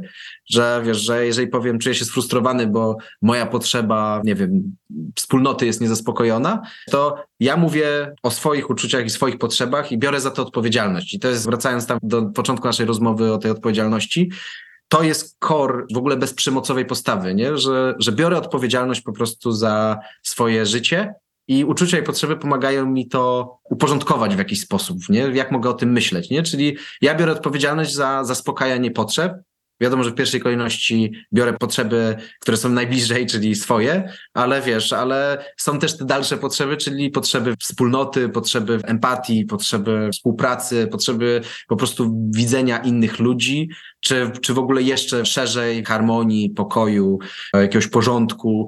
I mamy uczucia rzekome i uczucia te zbliżające i mamy potrzeby i strategie, nie? I teraz a, a to rozróżnienie drugie na potrzebie strategię właśnie pomaga nam łączyć się z tym, co współdzielimy, czyli właśnie uniwersalne potrzeby, a nie skupiać się na strategiach, czyli na naszych pomysłach, które nas dzielą de facto, bo każdy ma swoje pomysły na życie, każdy ma swoją rację. W takim najbardziej przyziemnym przykładzie, no to e, ja mogę uważać, że jedzenie, dobrym jedzeniem, wiesz, zaspokoić potrzebę e, jedzenia, nie wiem, pizzą, a ty zaspokoisz potrzebę jedzenia jabłkiem, nie? Możemy się kłócić o strategię bez końca, ale jeżeli obaj dojdziemy do tego, że potrzebujemy jedzenia, to możemy poszukać innej strategii. Może gdzieś w połowie drogi będzie, nie wiem, sałatka albo nie wiem, coś takiego. Nie wiesz, że w sensie. Akurat w przypadku jedzenia każdy może chyba zaspokoić swoją y, potrzebę według swojej strategii. Tak, tak, tak, ale jeżeli weźmiemy, wiesz, szerzej spojrzymy na to, to na przykład gdybyśmy byli wspólnie na.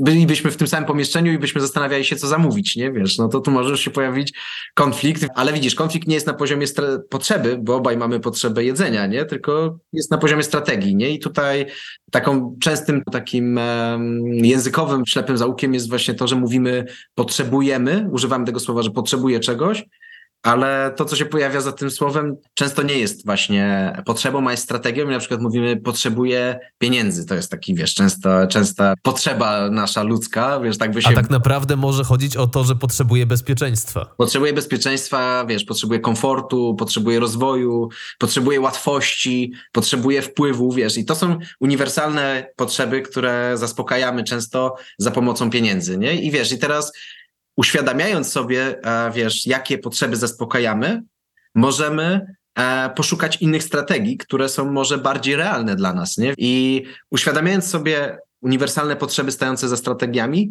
pozwalają nam się uwolnić od, wiesz, od starej strategii, która, którą sobie przyjęliśmy i uznaliśmy za, wiesz, jedyną, jedyną słuszną, nie? Wiesz, jeżeli jesteśmy tak przywiązani bardzo do tego, co kiedyś nam działało, bo wiesz, jakby to się nie bierze z powietrza, nie? Wiesz, kiedyś mieliśmy, mieli, chcieliśmy mieć pieniądze, żeby, wiecie, na przykład właśnie jakiś komfort, nie? I tak odnosząc do mojej historii, no to wiesz, jak pracowałem pod krawatem, wiesz, od poniedziałku do piątku, miałem na pewno dużo komfortu, wiesz, z tym, że mogłem sobie kupować rzeczy i w ogóle, nie? Decydując się na prowadzenie własnej działalności, górki i dołki, jakby to jest po prostu wpisane w samo zatrudnienie, tak to nazwijmy. Więc straciłem jakby, wiesz, tą potrzebę komfortu z powodu pieniędzy, jakby pieniądze przestały mi zaspokajać tę potrzebę komfortu, ale wiesz, mogłem odnaleźć potrzebę komfortu e, pracując na przykład nad czymś, co lubię, albo decydując, kiedy, kiedy pracuję, nie? Wiesz, bo przez to, że miałem, e, że byłem, wiesz, sam sobie szefem, no to, to ja robiłem grafik, nie? I wiesz, i, i tu mogłem na przykład zaspokoić swoją potrzebę komfortu i sprowadzając to do interakcji międzyludzkich, kłócimy, wiesz, konflikty są tylko na poziomie strategii, a nigdy potrzeb. Więc jeżeli dochodzi do konfliktu, to możemy zacząć przez empatyczne słuchanie określać, jak się czujemy w związku z tym konfliktem. Jeżeli się poczujemy nawzajem, czyli przestaniemy, wiesz, widzieć obraz wroga, czyli osoby, z którą trzeba walczyć, a zobaczymy drugiego człowieka, który czuje i potrzebuje, wiesz, naprzeciwko, to możemy połączyć uczucia z potrzebami i dojść do tego właśnie, jakie my potrzeby chcieliśmy zaspokoić tymi naszymi strategiami, które się skonfliktowały, nie? I jak nazwiemy już potrzeby, wracając na przykład do sałatki, wiesz, do, do, do pizzy i, i jabłka, jabłka. powiedzmy, tak, to, to w momencie, w którym właśnie uznamy, że dobra, nie, wiesz, ty możesz uważać, że wiesz, że jabłko jest zdrowsze, a ja uważać, że pizza jest, nie wiem, bardziej e, łatwa, nie wiem, prosta, albo wiesz, jakaś, że jest jakaś bardziej, wiesz... e, Smaczniejsza. Smaczniejsza, tak, że po prostu wiesz. I teraz, teraz wiesz, to pytanie jest, wiesz, czy, czy to jest jedyna strategia, która, wiesz, może mi to zaspokoić, nie? Czy to jest jedyne, co może dać mi tam, wiesz, te doznania, nie? Wiesz, i się zaraz okaże, że jest więcej opcji. No ale poczekaj, jeśli masz ochotę po prostu na pizzę, Mhm. no to, no to chyba sięgasz wtedy po pizzę. No tak, tak, tylko teraz jest pytanie, Nie, jak masz wiesz- ochotę na pizzę, to nie masz ochoty na, nie wiem, włoski makaron. Tak, wiesz, tylko jakby tutaj nie chodzi o to, masz prawo, wiesz, mieć ochotę, nie? Jakby to jest zupełny, zupełny luz. Tylko kwestia jest tego, czy chcesz uwzględniać w tym innych, czy nie. Czy kierujesz się właśnie, wiesz, taką hedonistycznym, wiesz, podejściem, że liczy się, wiesz, przyjemność moja, czy, czy kierujesz się czymś innym po prostu, nie? To jest kwestia decyzji, jakby ja nie, nie oceniam, co jest, wiesz, czy to jest dobre, czy złe, tylko po prostu, jeżeli chcesz uwzględniać siebie jako część wspólnoty, no to bierzesz potrzeby innych pod uwagę, nie? I jeżeli na przykład ja mam ochotę na pizzę, a jestem z ludźmi, którzy, wiesz, nie spożywają e, produktów odzwierzęcych, to chcę to uwzględnić, nie wiesz, i, i poszukać takiej opcji, bo wiesz, bo jakby mam świadomość, że moja strategia nie jest jedynym rozwiązaniem, nie? Jakby to do tego się sprowadza, żeby mieć tą wolność właśnie, że to, że kiedyś, bo czym jest właściwie, mam ochotę na to, nie? To jest przywiązanie do doznania przyjemności, które kiedyś doświadczyłem, nie? Czyli to nie jest rzeczywistość tu i teraz, tylko to jest moje jakieś wspomnienie i próba odtworzenia tego wspomnienia i tego doznania, nie?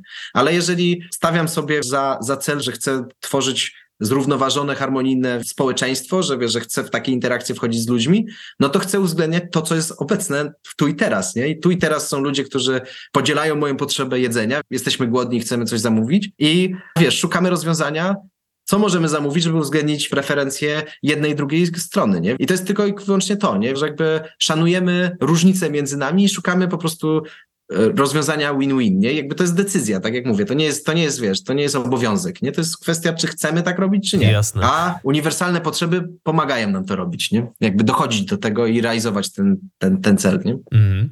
I mając przy sobie taką talię kart, w jaki sposób korzysta się z niej? Właśnie mamy taką sytuację konfliktową, powiedzmy, tak? I co? Szukam na tych kartach e, uczucia, do którego jest mi najbliżej, patrzę, jaka stoi za nim potrzeba. Jak to wygląda? Wiesz co, są, są e, dwa podejścia, bym powiedział. Jeżeli byśmy korzystali z kart w, przy, w przypadku konfliktu, no to mamy, mamy możliwość e, wykorzystania tak, jak powiedziałeś, tylko to wymaga dwóch świadomych i zaangażowanych osób.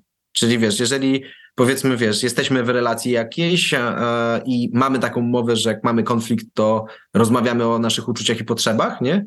No to wtedy dużo prościej jest odnaleźć uczucia, wiesz, patrząc na ilustracje i jeszcze w kartach e, jest kompas uczuć, czyli mm, wykorzystuje naszą wiedzę na temat naszej neurologii, tego, że, że uniwersalne w uczuciach jest pobudzenie i wyciszenie, wiesz, jakby, no można powiedzieć, że po prostu te, te, te spektrum pomiędzy, wiesz, i czy coś jest przyjemne, czy nieprzyjemne, nie? Jakby to są, to jest, jeżeli chodzi o obserwowalne, wiesz, obserwowalne rzeczy, wiesz, fizycznie wśród ludzi, to, to do tego można sprowadzić nasze emocje i dzięki temu, że określamy, że na przykład coś jest, wiesz, przyjemnym pobudzeniem, to w kartach e, są cztery właśnie takie grupy, wiesz, przyjemne pobudzenie, nieprzyjemne pobudzenie, przyjemne wyciszenie, nieprzyjemne wyciszenie, nie? I są cztery kolory i w zależności, z którą z tych czterech ćwiartek, wiesz, czuję w tym momencie, że na przykład powiedzmy przyjemne pobudzenie, to ląduje w danym kolorze, wiesz, uczuć i po prostu z tych wszystkich kart i wszystkich tych ilustracji mam jakąś grupę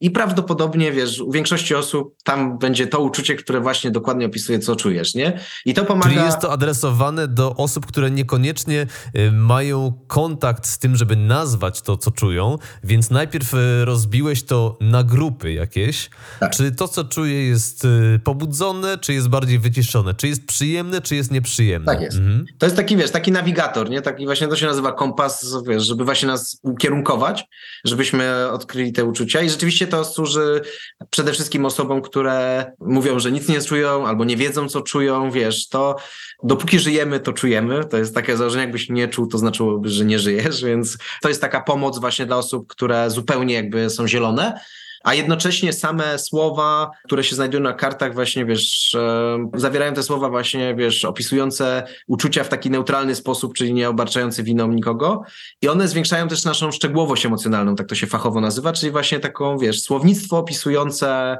wiesz, opisujące to, co się z nami dzieje, nie? To trochę jak, wiesz, skiperem win, nie? Wiesz, że jak masz więcej pojęć, które to opisują, nie jakiś palony orzech i, wiesz, ziemia i cokolwiek, wiesz, jakieś owoce, Łatwiej to wychwycić. To potrafisz to wy chwycić, dokładnie, nie? I wiesz, im bardziej szczegółowy jesteś, tym bardziej, wiesz, precyzyjnie wyrażasz siebie i to jest pierwszy, wiesz, etap, czyli nazwanie tych uczuć i jak usłyszymy się na poziomie uczuć, jeżeli rozwiązujemy konflikt, wiesz, w, e, wspólnie. Jeżeli nazwiemy, wiesz, nazwiemy nasze uczucia, czyli ja będę w stanie powtórzyć twoje uczucia, ty będziesz w stanie powtórzyć moje uczucia i oboje potwierdzamy, że to są to, co czujemy, to, to oznacza, że wiesz, że połączenie zostało, wiesz, e, odbudowane, nie? Wiesz, internet znowu zaczął działać, nie? Czyli nastąpiła empatia. Tak. Znaczy, tu nastąpiło, ja bym powiedział, współczucie, nie? Wiesz, e, dosłownie jakby rozbijając to słowo na dwa człony, no to jest takie wspólne czucie siebie, nie? Wiesz, i ja tak to e, trochę postrzegam, czyli wiesz, że znowu czujemy się jako część, wiesz, wspólnoty, tak bym powiedział, jakiś, wiesz, jakiś, e, jest jakaś relacja i wtedy możemy pójść dalej. Okej, okay, no to jakich potrzebach to jest, nie? Wiesz, jakie, o jakie potrzeby próbujemy tutaj zadbać, nie? Jeżeli sobie właśnie skorzystamy z kart potrzeb, które też są pogrupowane na sześć kategorii potrzeb, czyli potrzeby fizyczne, potrzeby autonomii, potrzeby społeczne, potrzeby samorealizacji, potrzeby radości z życia i potrzeby duchowe. I w każdej z tych e, kategorii potrzeb jest, wiesz, e, po od dwóch do siedmiu kart zawierających, zawierających e, różne potrzeby i określamy sobie te potrzeby, które próbujemy, o które próbujemy zadbać, a potem określamy które są na teraz najważniejsze, bo też trzeba się liczyć z tym, że wiesz, że niektórych potrzeb e, nie zaspokoimy w tym samym momencie, nie? Wiesz, tak najbardziej, znowu wiesz, te fizyczne przykłady są najbardziej takie, obrazują, że wiesz, że na przykład trudno zaspokoić potrzebę snu i ruchu jednocześnie, nie? Wiesz, są pewnie do tego jakieś, może wiesz, ktoś ma jakieś na to rozwiązanie, ale ogólnie, no trudno jest spać i ruszać się jednocześnie, nie? Wiesz. Słyszałem, I... że niektóre pczaki podczas migracji nawet śpią w locie. Tak, tak, też o tym słyszałem, ale tu mówimy o ludzkich ludzkich potrzebach i ludzkich zachowaniach. Człowiek też lunatykuje na przykład, nie? Ale wiesz, ale trudno to nazwać świadomym, wiesz, decyzją i zaspokajaniem Ale potrzeb. może to jest właśnie zas nieświadome zaspokajanie potrzeb dwóch jednocześnie. Tak, właśnie, dokładnie. Cały dzień przed kąpem, wiesz, siedzenie, to sobie w nocy chod, no pochodzę no przynajmniej, nie? dokładnie, ale wiesz, jak wracając, wiesz, do tych potrzeb takich bardziej abstrakcyjnych, takich, nie wiem, jak potrzeba właśnie, wiesz, że powiedzmy, ja mam potrzebę wiesz, jakiejś e, niezależności, a ty masz potrzebę e, bliskości, nie, wiesz, i, i teraz, i teraz wiesz, jak to pogodzić, nie, no i wiesz, i właśnie może, może udałoby się pogodzić to w ten sposób, że wiesz, że najpierw, e, wiesz, zaopiekujemy się twoją potrzebą bliskości, na przykład, nie wiem, porozmawiamy, wiesz, nie wiem, poprzytulamy się, cokolwiek, a, a w drugiej kolejności na przykład ja zamknę się w swoim pokoju i będę tam siedział przez dwa dni, nie, wiesz, e, na przykład, nie, albo wiesz, bo to jest taki, taki przykład, że, że rozróżniamy to, przesuwamy. Bo te potrzeby rzeczywiście wydają się konfliktować ze sobą. Tak, bo się wydają, ale zobacz, że na przykład gdybyśmy z- ustalili taką strategię, wiesz, że ja mam preferencję, chcę iść na spacer, nie? I właśnie to jest o mojej niepotrzebnej niezależności, że ja po prostu sobie chcę iść na spacer i w ogóle chcę pobyć w ciszy, nie? A ty, wiesz, masz potrzebę kontaktu i bycia blisko, nie? I wiesz, no i, i jak to pogodzić, bo mamy, wydaje się, sprzeczne potrzeby, nie? No ale wiesz, strategią, jeżeli się otworzymy, że uwolnimy się, że tu na przykład właśnie nie chodzi o to, że ja będę sam i że wiesz, że chodzi stricte o spacer, tylko chodzi na przykład właśnie o tą potrzebę jakiegoś spokoju, wiesz, jakiegoś kontaktu ze sobą, nie? To wiesz, to może na przykład rozwiązaniem będzie, że pójdziemy razem na spacer, ale będziemy tak zwaną szlachetną ciszę, wiesz, e, uskuteczniać, nie? Czyli po prostu nie rozmawiamy, nie? I ty możesz być blisko, wiesz, i możesz czuć moją obecność, a jednocześnie ja na przykład, wiesz, będę się nad czymś zastanawiał, bo potrzebuję pokontemplować coś, nie? Wiesz, i jakby cała rzecz sprowadza się do tego, żeby rozróżnić, że to jest strategia, wiesz, czyli jakiś pomysł i że to nie jest jedyne rozwiązanie, nie? Wiesz, jeżeli nazwiemy potrzeby, no to możemy szukać wtedy właśnie tego, co uwzględni, wiesz. To wymaga trochę, wiesz, e, pracy, to wymaga, wiesz, czasami trochę więcej czasu, ale nieporównywalnie mniej czasu niż czas, który poświęcamy później na odkręcanie nieporozumień, wiesz, rozwiązywanie konfliktów takich rzeczywistych, że się kłócimy i doprowadzamy do sytuacji, w których wiesz, nasze potrzeby długo są niezaspokojone i później nagle, wiesz, wybucha po prostu bomba zegarowa, wiesz, i, i, i odkręcanie tego dni ciszy, później dni niedogadywania się, wiesz, czasami to się kończy w sądach i długie, wiesz, lata trwa takie coś, nie? Więc jeżeli chcemy, wiesz, być pragmatyczni, no to w sumie empatyczne słuchanie może, na, i wiesz, i rozwiązywanie konfliktów takich od razu z samego zalążku, że coś się dzieje, coś jest jakiś opór, jakiś zgrzyt, to od razu siadamy i gadamy. Może troszeczkę wydawać się większą inwestycją czasu, ale długoterminowo to jest, wiesz, mniej czasu i energochłonne, nie? Więc, e, więc to To jest jak takie na bieżąco pielenie ogródka, prawda? Zanim Tak, te tak, tak. przerosną y, nasze rzeczywiste uprawy. Tak, świetna, analogia, to, to jest dokładnie, dokładnie właśnie tak można to postrzegać. Więc kart można korzystać właśnie, wiesz, w taki sposób, jeżeli chodzi o konflikty. Z kart można też w towarzyski sposób korzystać tak, że wiesz, że po prostu wyciągamy jakąś potrzebę i to w ogóle na spotkaniach, które, e, wiesz, że mamy treningi empatii co, co tydzień, gdzie, gdzie po prostu użytkownicy e, spotykają się i praktykują empatyczne słuchanie i autentyczne wyrażanie siebie. To właśnie, wiesz, jednym z takich ćwiczeń jest, że wiesz, dzielimy się na, na pary i zamykamy w osobnych pokojach i po prostu pada pytanie, co to dla ciebie znaczy i wiesz, wybierasz jakąś potrzebę, nie? Wiesz, i co to dla ciebie znaczy na przykład wolność, nie? I wiesz, w ogóle ile razy zadajemy sobie takie pytanie, nie? Co to, wiesz, każdy chce być wolny, ale co to właściwie znaczy dla ciebie, nie? Wiesz, bo to jest, to jest, wiesz, to nie jest takie oczywiste i wiesz, i, i ćwiczymy, wiesz, po prostu z jednej strony właśnie robimy wgląd w siebie i jakby uświadamiamy sobie, jak to jest dla nas ważne, co to dla nas znaczy i tak dalej, a z drugiej strony druga osoba tego słucha i ma zwierciadło, wiesz, człowieka, wiesz, drugiego, który przeżywa to w po- podobny albo w zupełnie inny sposób, ale przede wszystkim buduje to, wiesz, więź i, i zaufanie do siebie, że rozumiemy się, wiesz, na jakimś poziomie, nie? Wiesz, że, że mo- więc można karty wykorzystywać też właśnie jako po prostu taką inicjację do głębokich, do głębokich rozmów i takiego, wiesz, budowania po prostu więzi między nami. Też jest gra, jako grę można to wykorzystać, empatyczne kalambury, że wiesz, że wybierasz, znaczy losujesz pod kartę potrzeb i próbujesz powiedzieć o tej potrzebie, jak ją zaspokajasz, nie mówiąc, co to za potrzeba, nie? Wiesz, i, i się, że to jest, to, jest, to jest w ogóle sztos, bo to jest, wiesz, mega proste, a pamiętam właśnie też na jednym z naszych spotkań graliśmy w tą grę i był taki e, mężczyzna, który mówi, o nie, to proste, każdy będzie wiedział. No, no to dawaj, nie? Wiesz, i on tak, kobiety wymagają tego od mężczyzn. I cisza. I, I, w jego głowie to już jest, każdy od razu już wie o co chodzi. Tak, nie? oczywistość. Tak. I słuchaj, powiem ci, że wiesz, że my się z 20 minut głowiliśmy, on próbował, wiesz, jak, jak zorientował się, że to nie jest takie całe proste, wiesz, zaczął drapać się po głowie i tak, kurde, wiesz, jak to, jak to zrobić, jadę na działkę, nie? Tak mówi nagle, nie? Wiesz? I wiesz, i jaką potrzebę próbuję zaspokoić, wiesz, jadąc na działkę. Poczekaj, to czego kobiety wymagają od mężczyzn, bo to mi nie będzie dawało spokoju. Tak, właśnie. Okazało się, że chodzi o spontaniczność, że, że potrzeba spontaniczności. To było, ale stary, dochodziliśmy do tego naprawdę długo, ale wiesz, to właśnie fajnie pokazuje, że wiesz, że po pierwsze to, co komunikujemy, wydaje się dla nas oczywiste, a wcale, wiesz, komunikat nadany nie równa się komunikat otrzymany. To wiesz, to jest w ogóle nad, nadrzędna zasada, bym powiedział, komunikacji, żeby sprawdzać, czy się rozumiemy co i róż, bo po prostu to wcale nie jest takie oczywiste.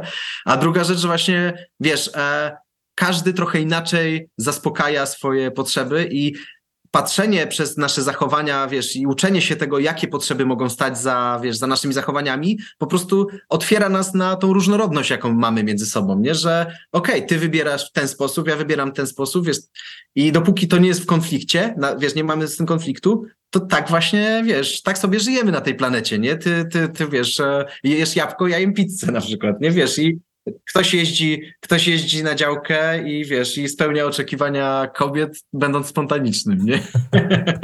Wow, super. W ogóle nie, nie pomyślałbym, żeby tych kart użyć, wiesz, w takiej sytuacji gry społecznej, wiesz. Tak, super, tak. w ogóle genialna sprawa. Wiesz, te, te, te, to, o czym rozmawiamy, też jest opisane, wiesz, w instrukcjach, e, w książeczce, która jest załączona do kart i, i można sobie po prostu na różne sposoby podziałać, ale właśnie drugim obszarem wykorzystania kart i nawet bym powiedział, że on jest pierwszy, ale jako, że jesteśmy społecznymi istotami, to zawsze dla nas bardziej interesujące jest to, co można robić wspólnie, ale jeżeli ktoś się zdecyduje na samodzielną pracę, to karty można wykorzystać do właśnie takiego codziennego wglądu w siebie, nie? Czyli wiesz, jak rozpracowywania, bym powiedział, wiesz, rzeczywistości na czynniki pierwsze, naszej, wiesz, naszego, naszych zachowań, żeby je lepiej rozumieć i szukać takich strategii, które po pierwsze są dla nas aktualne, bo wiesz, bo bardzo często po prostu odtwarzamy jakieś schematy, które wiesz, nam zakodowali rodzice, nauczyciele, wiesz, jakieś autorytety, nie? A, a wcale nie są, wiesz, aktualne dla nas, nie działają w tym momencie, nie? Więc można rozpracowywać właśnie takie przekonania i stare, stare przyzwyczajenia i szukać nowych, odkrywając jakie potrzeby sobie zaspokajamy nimi, e, ale też możemy po prostu rozumieć właśnie sytuacje jakieś, wiesz, e, społeczne, samodzielnie, na przykład konflikty, konflikty i zastanawiać się nad strategiami, które będą właśnie uwzględniały więcej osób i do tego takim narzędziem jest dziennik empatyczny. To jest taka naj, e, naj bym powiedział, najbardziej prosta i, jedynie, i najbardziej skuteczna, skuteczny sposób właśnie pracy z, z uczuciami i potrzebami. Czyli korzystamy z czterech kroków e, porozumienia bez przemocy, obserwacji, uczucia, potrzeby, prośby. Są cztery kroki. I pierwszy krok to jest, wiesz, i to jest dowolną sytuację bierzemy sobie z życia, wiesz, cokolwiek, nie? Może być, wiesz, jakbyś ty miał to robić, na przykład mógłbyś napisać obserwacja. Prowadziłem rozmowę z Gustawem, wiesz, rozmawialiśmy empatii, nie? Obserwacja, to się wydarzyło, nie? Fakty.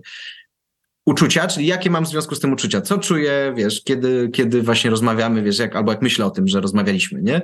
I wypisujesz sobie z kart czy z listy uczuć i potrzeb, wiesz, jakie uczucia masz w związku z tym, nie? Kolejne, o jakich potrzebach informują mnie te uczucia, nie? I wypisujesz, jakie miałeś potrzeby zaspokojone, jakich potrzeb ci to nie zaspokajało, nie? Wiesz, e, ta nasza rozmowa, nie? I tutaj, i tutaj się, wiesz, pojawia właśnie te momenty realizacji takie, wiesz, że często w ogóle nie zdajemy sobie sprawy, jak wiele potrzeb na przykład nam zaspokaja coś, nie? Wiesz, coś takiego codziennego, nie? E, ale też czasami się pojawiają rzeczy, wiesz, że jakaś jest niezaspokojona i też jest takie, o kurde, tu nie było tej zaspokojonej i na przykład mogę w, kolejnym razem, wiesz, na przykład, e, nie wiem, potrzeba, nie wiem, struktury powiedzmy, nie była zaspokojona, wiesz, i że nie, i mogłem, mogłem, wiesz, i mogę sobie wymyślić strategię, czyli czwarty krok prośb, w formie próśb, bo to za chwilę wyjaśnię, dlaczego prośby, ale to jest działanie, nie? To są strategie.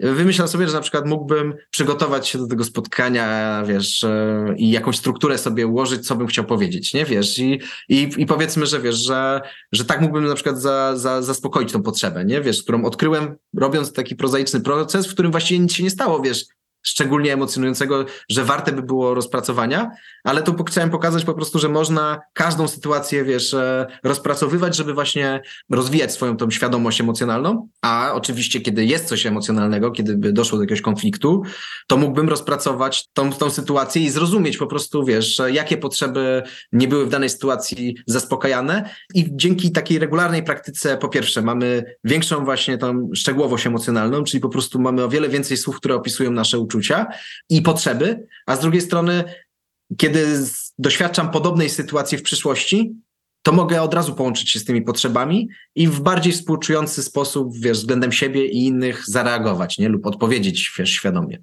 Mm, wow, w ogóle nie spodziewałbym się coś tak niepozornego jak talia kart może mieć, wiesz, tyle zastosowań. Już zaczęliśmy nawet o rozrywkę, ale tutaj mówisz o tak naprawdę kontemplacji z samym sobą, o rozwoju osobistym i nawet posunąłbym się do stwierdzenia, że, że mogą one być pewnego rodzaju terapią. E, zdecydowanie, wiesz, jakby to jest taka auto, autoterapia, nie? Wiadomo, że, że wiesz, że nie znaczy, nie wiem, czy wiadomo w sumie, ale jakby nie wszystkie tematy e, jesteśmy w stanie sami sobie przepracować, wiesz, i, i, i jakby nie chciałbym, żeby to zabrzmiało, że karty mogą być zamiast terapii, ale jako wsparcie w terapii, na przykład kiedy, wiesz, właśnie ktoś idzie, bo często ludzie w ogóle zaczynają sobie uświadamiać właśnie istnienie emocji, wiesz, i potrzeb, jak idą właśnie na terapię i tam ktoś mówi, ej, ty masz swoje uczucia i potrzeby i to jest okej, okay, nie? Wiesz, tak jak ja z tą książką miałem, nie? Wiesz, to de facto to była taka właśnie trochę dla mnie terapia.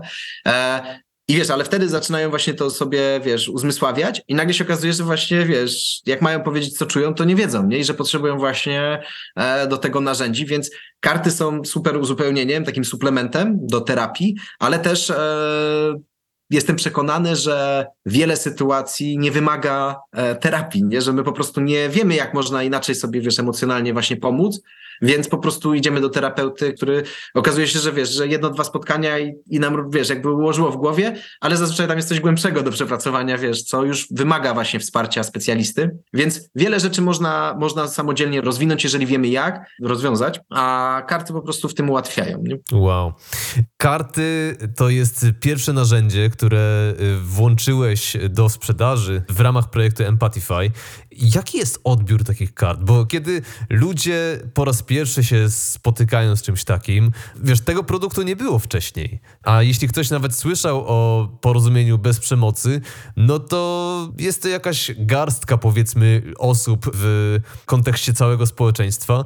I karty są czymś na tyle prostym i na tyle dostępnym, że w zasadzie każdy może tego używać, nawet jeśli ktoś nie słyszał o NVC. Tak, tak. E, odbiór kart jest e, bardzo pozytywny, wiesz, że jestem e, bardzo zadowolony z tego, wiesz, bo też tworząc cokolwiek zastanawiasz się, wiesz, znaczy może nie każdy, ale ja się zastanawiam, czy to, wiesz, to będzie potrzebne, czy ludzie będą z tego korzystać, wiesz, i dostaję, dostaję taki feedback, że, że to bardzo, wiesz, bardzo pomaga. I słyszę, wiesz, od terapeutów, którzy, wiesz, właśnie używają ich jako takiej pomocy dla swoich pacjentów, żeby właśnie ponazywać uczucia i potrzeby, od szkoleniowców, którzy, wiesz, którzy wykorzystują właśnie, wiesz, do nauki komunikacji i właśnie, wiesz, lepszego wyrażania siebie i współpracy, wiesz, właśnie używają kart i uczuć i potrzeb, od rodziców, którzy chcą stworzyć inne dzieciństwo niż sami mieli, w którym się akceptuje i w ogóle uczucia, wiesz, dziecka i nazywa jego potrzeby i, i usamodzielnia, wiesz, to dziecko, żeby, żeby było świadome swoich decyzji, żeby, wiesz, żeby wiedziało, jakie potrzeby próbuje zaspokajać i żeby wiedziało, że inni też mają potrzeby.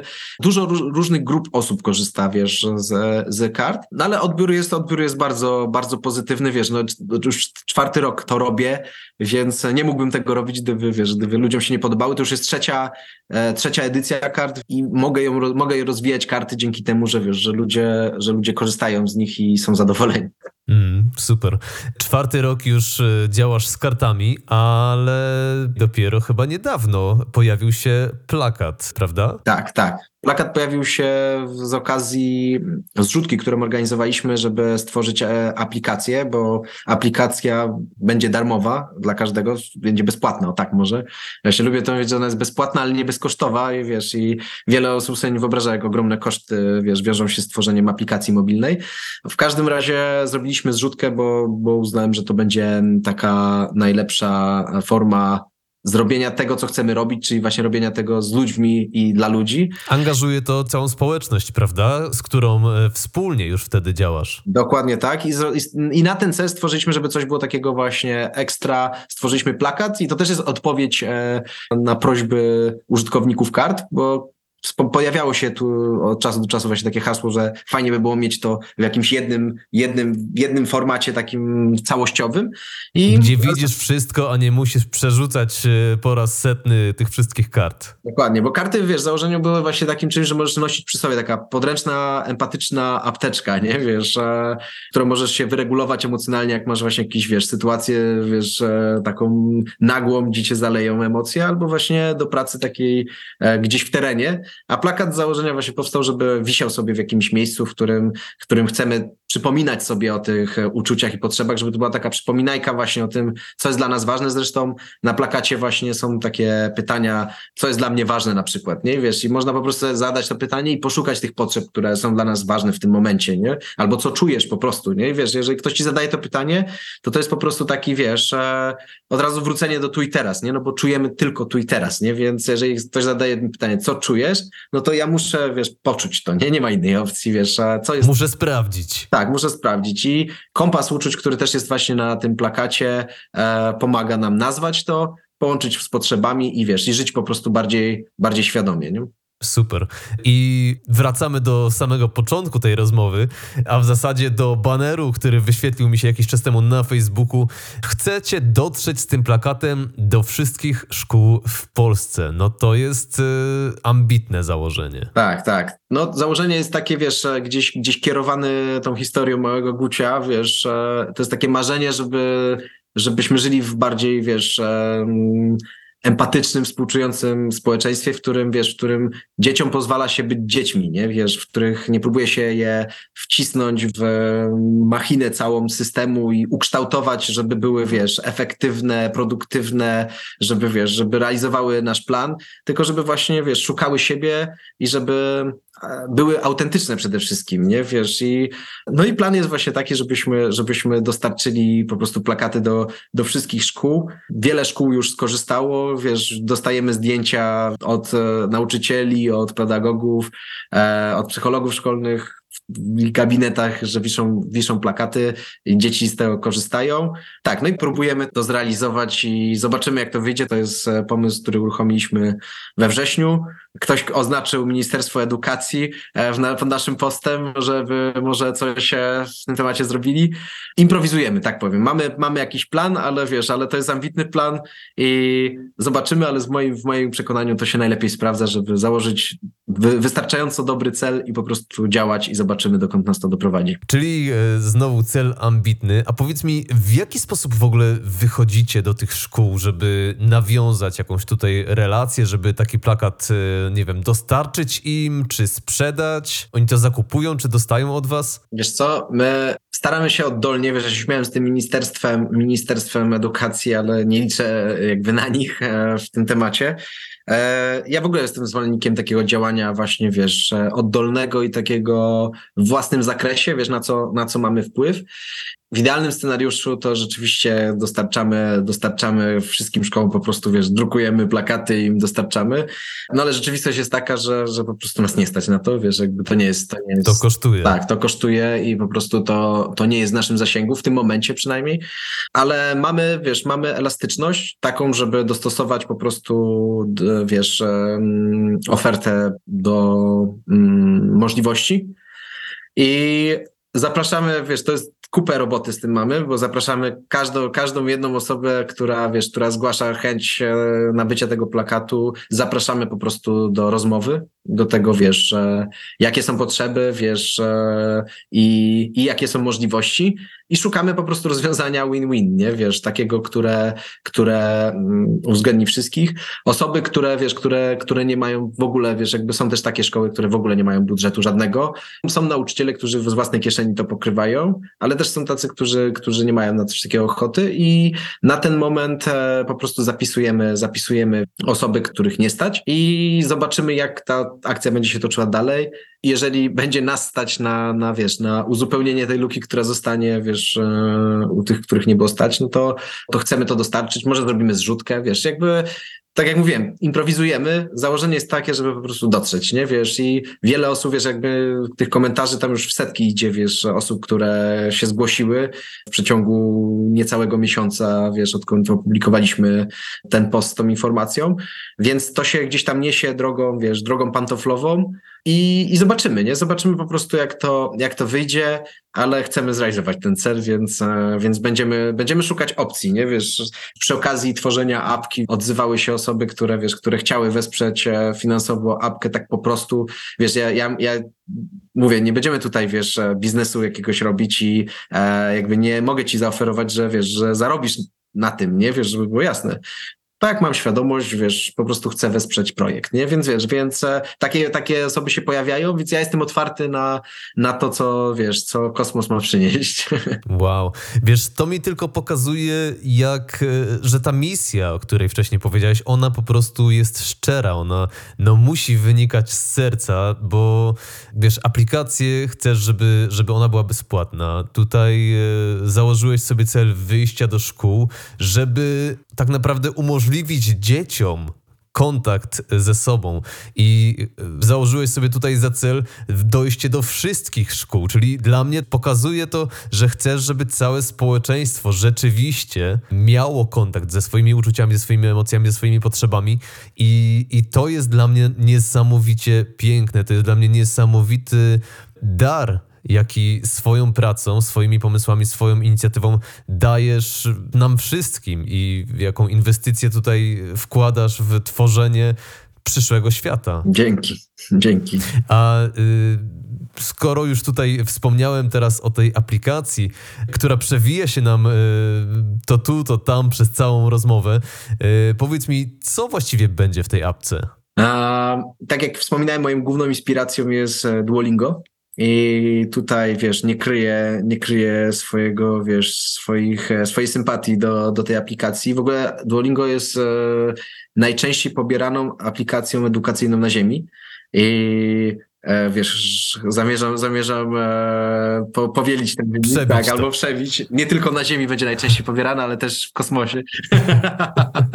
e, ale wiesz co, właśnie e, jakby inspiruje mnie to niesamowicie i uważam, że to, co ich jest ogromną właśnie, wiesz, mocą, to jest to, że e, właśnie ona jest bezpłatna i że każdy może zacząć, wiesz, wiesz, spotykasz kogoś, kto, wiesz, kto mówi, kurde, ostatnio zapytał mnie jakiś obcokrajowiec, jak trafić, wiesz, pod Neptuna, a ja, wiesz, a ja po prostu nie potrafiłem po angielsku ani słowa z siebie wydukać, nie, wiesz, i no to słuchaj, jest taka aplikacja, wiesz, pobierz sobie i wiesz, i się nauczysz, nie, wiesz, i to samo chciałbym zrobić z, z Empathify, czyli wiesz, ktoś mówi, kurde, wiesz, moje życie jest takie śmakie, wiesz, w ogóle nic mi się nie układa, wiesz, jest beznadziejnie, nie, to ktoś mówi, Stary, słyszę, że wiesz, że emocje, masz emocjonalnym jakieś, wiesz, jakieś e, rozterki, spróbuj sobie, wiesz, poklikać aplikację, albo, wiesz, kłócę się z, wiesz, z moją partnerką w ogóle, ona, ona mnie nie słucha w ogóle, wiesz, a ja przecież wszystko wiem i tak wiesz, w sensie to jest taki schemat często się pojawiający, że, wiesz, że,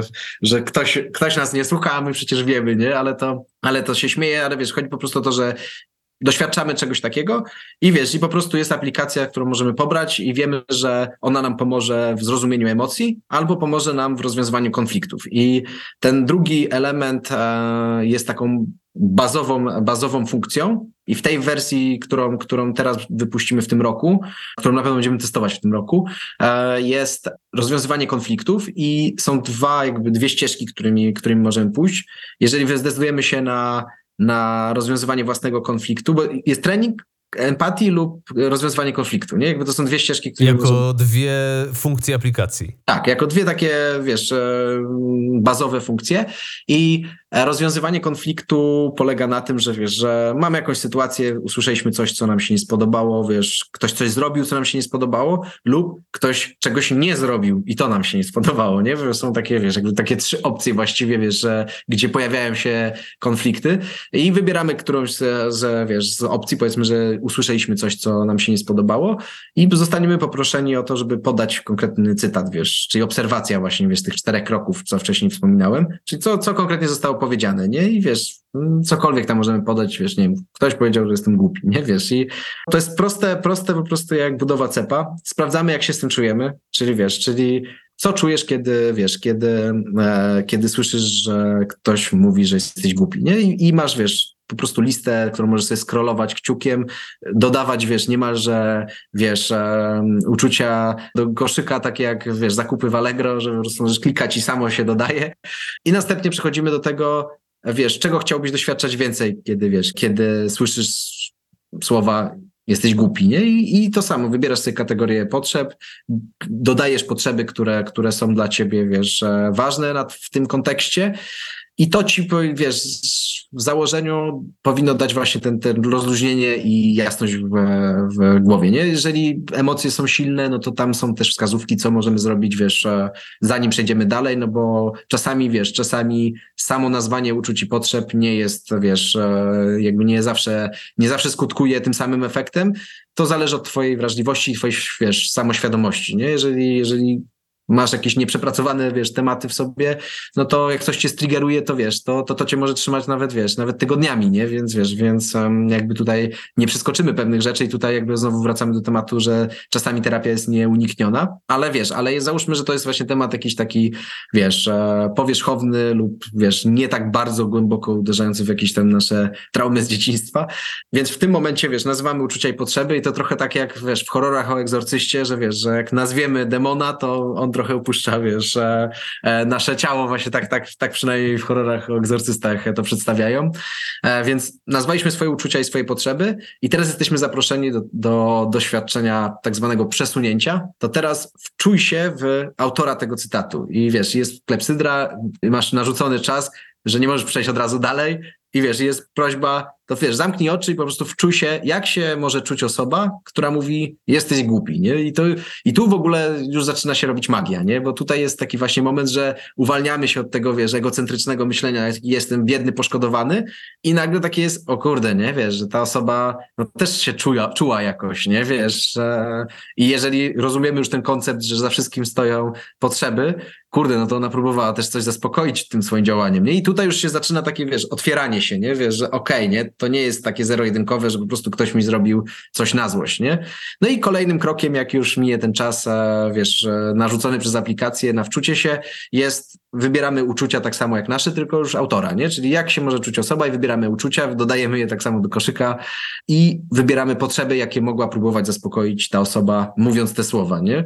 I jak e, to sobie ponazywamy, no to zazwyczaj jest taki, wiesz, taki obraz szerszy, wiesz, szerszy obrazek widzimy, że wiesz, że ta osoba um, mogła potrzebować tego, czego się domyślamy, mogła, wiesz, mogła, mogła czuć się tak, jak się domyślamy. Oczywiście to są nasze, wiesz, nasze domysły. Nie dowiemy się, dopóki nie sprawdzimy, ale tutaj jest właśnie kolejna rzecz, wiesz, aplikacja będzie zapraszała do tego, żeby iść porozmawiać i możemy wybrać dwie ścieżki też. Możemy zaprosić kogoś do zrobienia tego samego e, procesu, co my, tylko z jej perspektywy i sprawić tym samym, że dwie osoby się przygotują do tej rozmowy, bo wiesz, po nazwaniu naszych uczuć i potrzeb i spróbowaniu zgadnięcia uczuć i potrzeb naszego rozmówcy, my jesteśmy, wiesz, osadzeni w tu i teraz, wiesz, wiemy, co jest, na czym nam zależy, jakie są nasze potrzeby i mamy... Ale druga osoba może dalej być w emocjach. Tak, tak, ale wiesz, mamy też wyobrażenie właśnie tej drugiej osoby, więc jak ona będzie w, drugi, w emocjach, a my mamy, wiesz, taką posawę współczującą, no to możemy zdecydować się, wiesz, i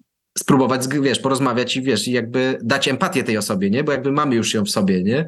Ale to jest, wiesz, to jest tak, że nie każdy ma, wiesz, jak ktoś, wiesz, powiedzmy, powiedział, że jestem głupi i powiedzmy, że to był mój brat starszy, który, wiesz, mnie, nie wiem, jakoś tam, e, wiesz, gnębił, jak byłem mały, to może wcale nie mam ochoty mu dawać empatii, nie? Wiesz, i, i, i tak też mam do tego prawo, nie? Więc, więc to jest tak, że wiesz, że ten proces robimy dla siebie, nie? Bo to nam daje właśnie tę jasność w głowie i taki luz, okej, okay, nie, jakby świat nie jest zły, nie, po prostu się nie, wiesz, nie, nie, nie skomunikowaliśmy na poziomie potrzeb i coś się, nie, nie zgraliśmy się po prostu, nie. Wiem, że ty też grasz muzykę, więc wiesz, po prostu przestaliśmy mieć harmonię w tym, co gramy, nie, wiesz, albo zgubiliśmy rytm, nie, wiesz, i teraz kwestia, jeżeli chcemy wrócić rytm, jeżeli chcemy inwestować w tą relację, no to możemy zaprosić kogoś do zrobienia tego samego. Jeżeli ta osoba wyraża chęć, to dostanie na aplikacji zaproszenie, będzie miała ten sam cytat, czyli pracujemy na tym samym, wiesz, e, cytacie, będzie zapytana, czy ona zapamiętała, że powiedziała to samo, czy może chce to zaktualizować, bo to też, wiesz, nie jest oczywiste, że nasza obserwacja jest, wiesz, jest, e, jest precyzyjna, więc chcemy jakby dać, wiesz, pełne, pełną swobodę w tym procesie też drugiej osobie. No i ta osoba, wiesz, to co, co czułeś, kiedy mówiłeś te słowa, jakie potrzeby próbowałeś zaspokoić, później, a jak się mogła czuć osoba, która słyszała te słowa i tutaj znowu, wiesz, osoba, która, bo wiesz, ile razy się zdarza, że my nawet nie pomyślimy, że kogoś może zranić to, co mówimy, nie? Wiesz, że po prostu w ogóle nie przychodzi nam to do głowy, bo nam się wydaje, że to jest, wiesz, śmieszne na przykład, że żartujemy sobie, wiesz, e, i, i w ogóle nawet nie weźmiemy pod uwagę tego, że wiesz, że, że, że ktoś, że w kimś to może coś uruchomić, wiesz, że to może być po prostu bolesne, nie? Więc ta osoba wtedy też wczuwając się w odbiorcę tego komunikatu, może mieć też ten e, moment, aha, okej, okay, nie, wiesz, teraz, teraz wyobrażam sobie, jak mogła się czuć, nie, wiesz, i, i często w tym, w tym momencie jest też ta ochota właśnie, że wiesz, żeby porozmawiać, żeby wyjaśnić, żeby wiesz, żeby, żeby się połączyć na nowo, nie? Żeby z powrotem właśnie się zharmonizować, żeby znaleźć ten swój wspólny rytm. I po przeprowadzeniu tego procesu, wiesz, po obu stronach lub po jednej stronie, jest zaproszenie do właśnie, wiesz, do dialogu, nie? Czyli żeby po prostu porozmawiać, bo aplikacja nie zastąpi nam rozmowy, nie? To jest tylko po prostu przygotowanie się do tego, żeby zrobić to w sposób taki empatyczny i współczujący.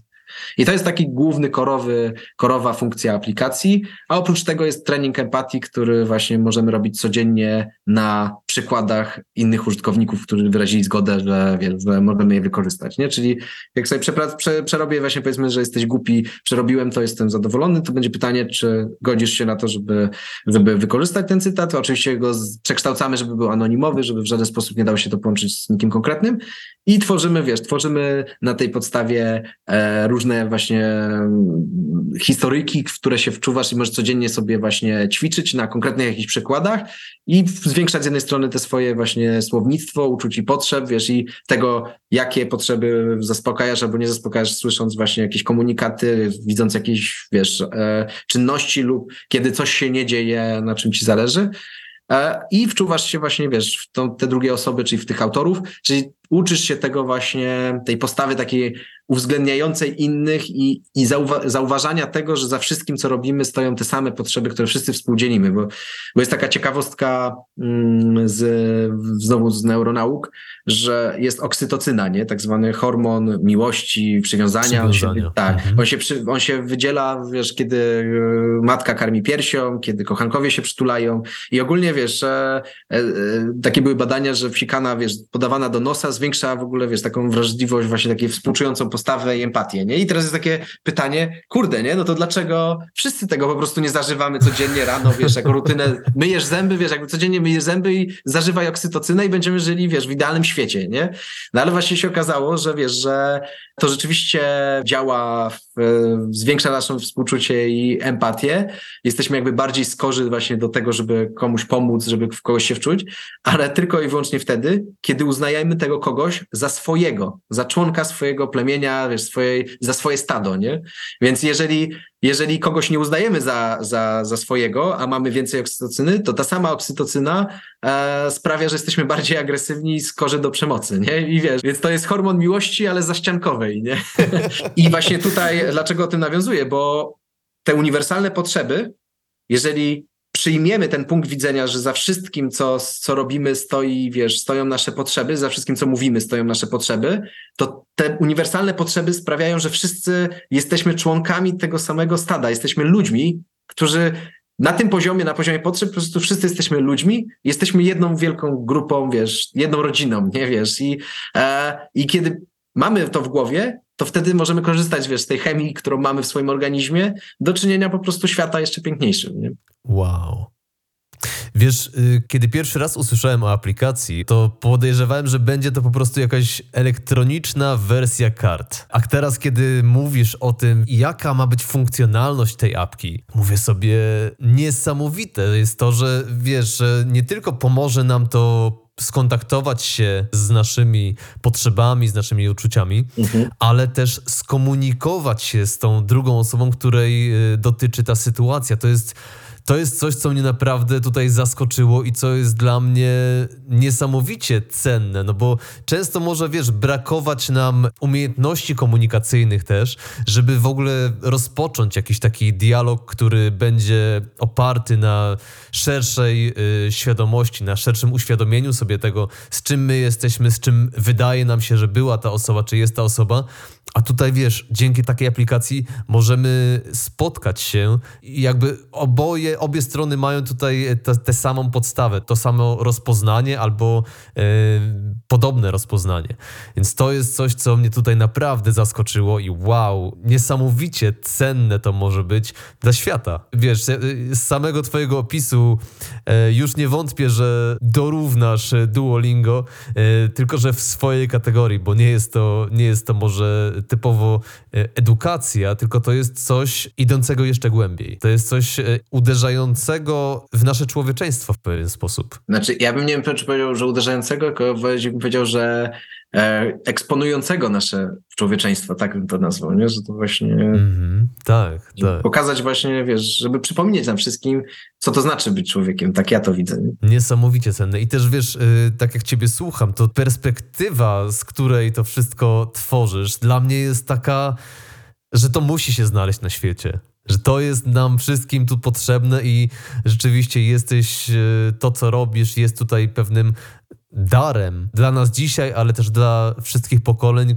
i dla, dla tego, jak się świat rozwija. I może jest to, wiesz, jakby kolejny krok w rozwoju tej, tego nurtu nonviolent communication, gdzie to powstało oczywiście u Marszala Rosenberga i fajnie, ale może on jeszcze nie miał pomysłu, sposobu na to, jak to rozpowszechnić i pojawiłeś się ty i pojawiło się Empathify. Jestem e, pełen podziwu. Mm. Dzięki, dzięki. Marshall miał swój moment, w którym z tym wyszedł, że w ogóle ludzie byli gotowi na przyjmowanie tego, wiesz, takiego w ogóle spojrzenia, ale też sam jeszcze za życia mówił, że nazwa trochę e, jest e, nietrafiona i ja mam wrażenie osobiście, ja uważam, że, że wiesz, że może zniechęcać, nie? Wiesz, porozumienie bez przemocy, jak wiesz, jak mówiliśmy o obdarowywaniu książkami, nie? To wyobraź sobie, jak się czuje osoba, która dostaje od kogoś książkę Porozumienie bez przemocy, nie? Wiesz, jakby to jest takie... Czyli co, czyli ja stosuję przemoc? Dokładnie tak, dokładnie tak, nie? Więc, więc, więc tutaj e, dlatego, dlatego ja jestem zwolennikiem empatycznej komunikacji, wiesz, i to, to jest bardziej neutralne i po prostu, wiesz, e, wydaje mi się, że lżej strawne, nie mhm. wiesz, i może, może to jest ta znacząca zmiana. No i też uważam, że społeczeństwo nasze w tym momencie, dzięki internetowi, wiesz, globalizacji i tak dalej, jest gotowe właśnie, wiesz, na takie spojrzenie, nie, że wiesz, że wcześniej, wcześniej to wiesz, to jakaś garstka hipisów, wiesz, widziała podobnie, wiesz, świata teraz, wiesz, a teraz dla ludzi to się wydaje takie okej, okay, nie? Jakby to, to ma uzasadnienie, tym bardziej, że nauka to, wiesz, jakby też wspiera, nie? To nie jest sama idea, wiesz, jakaś taka, w którą każe wierzyć komuś, nie? To jest, mm -hmm. ja po prostu mówię, sprawdź, nie? Wiesz, sprawdź, czy to ci zadziała, jeżeli, wiesz, jeżeli znajdziesz coś lepszego, co pomoże ci, wiesz, żyć bardziej tak harmonicznie, wiesz, i, i z innymi, i samemu ze sobą, z chęcią to poznam, nie? Wiesz, jakby naprawdę bardzo chętnie. Na kiedy przewidujecie publikację apki? Wiesz co, e, w październiku chcemy zacząć testy. Zaczniemy testy z osobami, które, które wspierały nas na akcji. A jeżeli chodzi o, o samo wypuszczenie, wiesz, wypuszczenie aplikacji, to plan jest taki, żeby do końca roku to zrobić, ale zobaczymy, czy to nie będzie początek przyszłego roku, bo to, wiesz, zebraliśmy 68 tysięcy, co wbrew pozorom nie jest jakąś ogromną kwotą, wiesz, jest wystarczającą pierwszy próg, jakby 100% tego, co potrzebowaliśmy w pierwszym progu, żeby robić to ale to nie jest wystarczająco, żeby robić to mega szybko, właśnie wiesz, jakby to jest dużo takiego gimnastyki, e, ale robimy to i, i, i zrobimy to na pewno w najbliższy, wiesz, najbliższym czasie. Nawet i początek przyszłego roku to nie jest jakaś bardzo odległa e, data. Wiesz, bo, bo to też jest tak, że ta aplikacja już istnieje, nie? Jakby to też, e, wiesz, my robiąc ją, robiąc ją e, już w trakcie zrzutki, jakby mieliśmy prototyp, bo to też jest osobna historia, wiesz, bo ja robię aplikację z Krzysztofem, z którego poznałem, e, będąc na podróży autostopem w Jordanii. I on był pierwszym autostopowiczem, znaczy w sensie pierwszą podwózką, którą złapałem. I od tamtej pory utrzymywaliśmy regularnie ze sobą kontakt. I on w pewnym momencie po prostu słuchając też o tym, że, że, że, że jaką mam pasję do tego e, i urodziła mu się córka, to nie jest bez znaczenia, po prostu mówi Gustaw zróbmy tą aplikację, a on jest takim kozakiem, jeżeli chodzi o robienie właśnie aplikacji, jakichś tam inf- informatycznych rzeczy, w których ja jestem, wiesz, e, dwie lewe ręce, więc e, no i po dwóch latach naszej znajomości właśnie rzucił hasło Gustaw, zróbmy tą aplikację i już dwa lata e, pracujemy razem nad tym. E, różne wersje prototypowaliśmy, też testowaliśmy już i właśnie w chwili obecnej dopracowujemy jakby ostatnią wersję, którą, którą stworzyliśmy właśnie po zrzutce i e, więc to też nie jest tak, że od zera to robimy. No i niedługo będzie, niedługo będzie premiera. Poczekaj, czyli byłeś w Jordanii autostopem Tak. i twoja pierwsza podwózka okazała się być z Polski. Tak. Wow.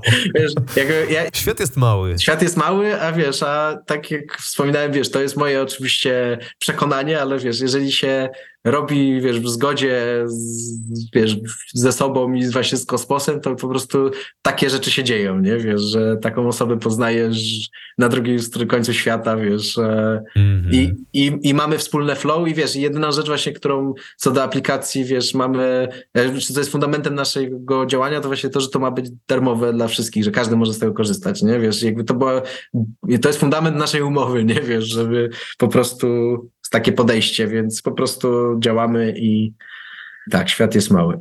Super. Gustaw, dziękuję Ci za tę rozmowę. Bardzo. Bardzo zbliżyło mnie to do porozumienia bez przemocy, czy jak empatycznej komunikacji? Tak. Empatycznej komunikacji. I podoba mi się to określenie, empatyczna komunikacja. Wiesz, wcześniej ja coś tam bardzo, bardzo pobieżnie liznąłem z kwestii non-violent communication i zdecydowanie poszerzyłeś moje horyzonty tutaj, ale nie tylko poszerzyłeś moje horyzonty, też pokazałeś mi, w jaki sposób całe to podejście można przełożyć na praktykę. Mhm. I to jest dla mnie naprawdę bardzo, bardzo cenne. Za to Ci dziękuję, za cały poświęcony czas, za perspektywę i za niesamowitą, niesamowitą historię. Mm, dzięki, dzięki wielkie. To też była przyjemność tutaj z tobą być i rozmawiać i mieć możliwość w ogóle, wiesz, e, e, podzielenia się tym, wiesz. W sumie na co dzień skupiam się na pracy e, i mniej o tym opowiadam i zazwyczaj moją silną stroną jest słuchanie, a nie mówienie, więc to wiesz, to fajne, fajna odmiana, dzięki. Tutaj miałeś okazję się trochę nagadać. Tak. Zostało to uwiecznione, więc y, mam nadzieję, że posłuży gdzieś tam do, też do przeniesienia Twojej historii i całego, całej idei Empathify y, na szersze horyzonty jeszcze. A mam do Ciebie tutaj ostatnie pytanie, które Dzięki. zadaję wszystkim moim gościom. A mianowicie ukłon natury to przede wszystkim wiedza na temat zdrowszego i pełniejszego życia. Dużo o tym pełnym życiu dzisiaj było, przy pełniejszym e, doświadczeniu naszego człowieczeństwa. E, Natomiast chciałbym, abyś biorąc pod uwagę całą swoją perspektywę i doświadczenie, przekazał naszym słuchaczom jeszcze takie trzy praktyczne wskazówki, dzięki którym ty sam żyjesz lepiej, zdrowiej i pełniej. Mhm. No to na pewno, na pewno, jeżeli chodzi o pełniejsze i zdrowe życie, to, to polecam medytację i to jest coś, co robię regularnie i, i jak przestaję to robić, to, to szybko zauważam, że tego nie robię i, i, i tak, i to pomaga po prostu w byciu bardziej obecnym, bardziej świadomym, niereaktywnym właśnie, czy nie odtwarzaniu tych scenariuszy, które mamy w sobie, tylko tworzeniu swoich, które są w zgodzie z nami. I to się właściwie przekłada na wszystkie inne aspekty naszego życia pełnego i zdrowego. Tak ja to widzę i, i w sumie mógłbym tutaj skończyć e, na tym, na tym jednym. Medytacja, koniec. Tak. I osobiście naprawdę, naprawdę, naprawdę polecam. I e, tak jak realizację miałem wcześniej, właśnie o których wspominałem w trakcie tej, tej rozmowy, to to nie była może moja realizacja taka, że odkryłem wtedy medytację, bo właściwie zacząłem medytować wtedy, kiedy zacząłem to też jakby zdrowie emocjonalne w ogóle być świadomym tego, to wtedy zacząłem, jakieś miałem podejścia pierwsze, ale rok temu poznałem Vipassanę i Vipassana jest bardzo spójna z tym wszystkim, co, co do tej pory tutaj dzisiaj poruszaliśmy, więc jeżeli ktoś chciałby zacząć, to naprawdę polecam. e, w, są dziesięciodniowe takie kursy, które działają też w ekonomii daru, czyli w takim właśnie ekonomii, jakiej też ja, ja chcę działać, czyli że nie ma ceny, twój kurs już jest opłacony i po prostu e, po kursie będziesz miał możliwość opłacenia, miał lub miała, e, możliwość opłacenia kursu dla kolejnej osoby, i to jest niesamowite doświadczenie, żeby przez tyle czasu medytować i jeżeli ktoś w ogóle nie medytował wcześniej, to będzie na pewno wyzwanie, to nie będzie relaks i odpoczynek, to od razu uprzedzam, ale nauczyć się jak medytować można, po takich 10 dniach na pewno można się tego nauczyć, więc jeżeli ktoś jest gotowy, żeby zacząć medytować i zastanawia się jak, to ja polecam właśnie e, medytację Vipassana. Tam jest wszystko, co trzeba wiedzieć na ten temat. To takie... E, I serio tak się zastanawiam, bo wiesz, bo jakby o trzech rzeczach e, mówiłeś i tak się zastanawiam, bo wiesz, o wiele więcej niż trzy rzeczy, które mógłbym powiedzieć, jeżeli chodzi o zdrowe i pełne życie. A co, co jeszcze mogłoby być, żeby te dwa myślę, że, że rzeczą, w którą wierzę, że też pomaga nam w zdrowym, zdrowym pełnym życiu, to jest roślinna dieta po prostu. Jakby nie wdając się w szczegóły, po prostu uważam, że to jest e, i zdrowe dla ciała i dla ducha.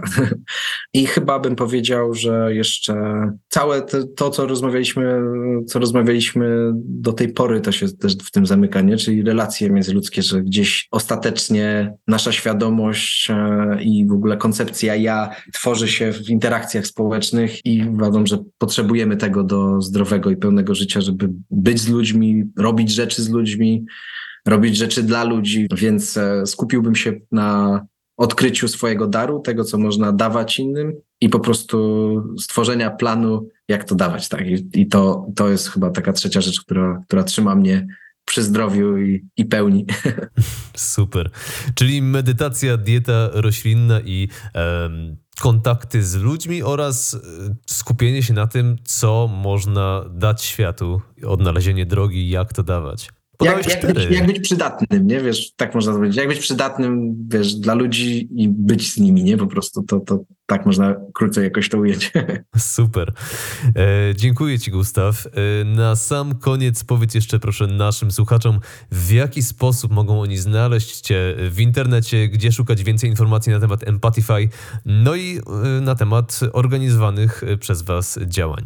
E, no to jest strona empatify.pl, gdzie można znaleźć wszystkie informacje, które są potrzebne, w sensie skontaktować się z nami, e, nabyć produkty, skorzystać z darmowej listy e, uczuć i potrzeb. Ostatnio wprowadziliśmy też darmowy kurs wprowadzający, taki e-kurs wprowadzający do komunikacji bez przemocy, więc więc jeżeli ktoś chciałby po prostu się pouczyć tego, to też na tej stronie w darmowych materiałach e, znajdzie to. E, a oprócz tego nasze profil na Facebooku i Instagramie, Empatify w obydwu przypadkach, Empatify po polsku, jakbyśmy chcieli. Tak, i myślę, że, że, że śledzenie naszych social media jest e, najbardziej takim aktualnym miejscem do komunikacji. E, dzielimy się tam wskazówkami, bardziej roz, rozkładamy te na czynniki pierwsze, to o czym rozmawialiśmy dzisiaj e, i też informujemy tam e, o naszych, o naszych działaniach z apką i, i jakichś kolejnych inicjatywach, takich jak ta z plakatami do szkoły, więc jeżeli ktoś chciałby się więcej dowiedzieć, to na pewno właśnie przez Facebooka Instagrama jest najłatwiej lub przez naszą stronę empatify.pl. Super. Wszystkie linki oczywiście znajdą się w opisie odcinka, więc każdy, kto będzie zainteresowany, będzie mógł sobie wygodnie kliknąć kliknąć i przejść e, na Empatify, czy to na Facebooku, Instagramie, czy na stronę internetową. Tobie, Gustaw, raz jeszcze z całego serca dziękuję. Życzę Ci wszystkiego najlepszego na Twojej dalszej ścieżce i sam jestem ciekaw, jakie jeszcze niespodziewane koleje losu Cię tam czekają i, i mam nadzieję, że będą to jeszcze piękniejsze dary e, niż dotychczas. Dzięki, Jim. Ja też, też jestem ogromnie ciekawy. Natomiast już do naszych słuchaczy, jeżeli ta rozmowa wniosła coś wartościowego w Wasze życie, jeżeli uważacie, że informacje tu zawarte mogą przysłużyć się komuś jeszcze, zachęcam do udostępniania tego odcinka, dzielenia się nim z bliskimi. Będzie to dla mnie osobiście najlepsza forma podziękowania i wsparcia dalszego rozwoju kanału. A tymczasem ode mnie to już wszystko i mam na imię G. Moim gościem był dziś Gustaw Choroszyński. Słuchaliście programu Ukłon Natury, a po więcej informacji zapraszam na stronę internetową www.yango.pl. Dzięki. Dzięki.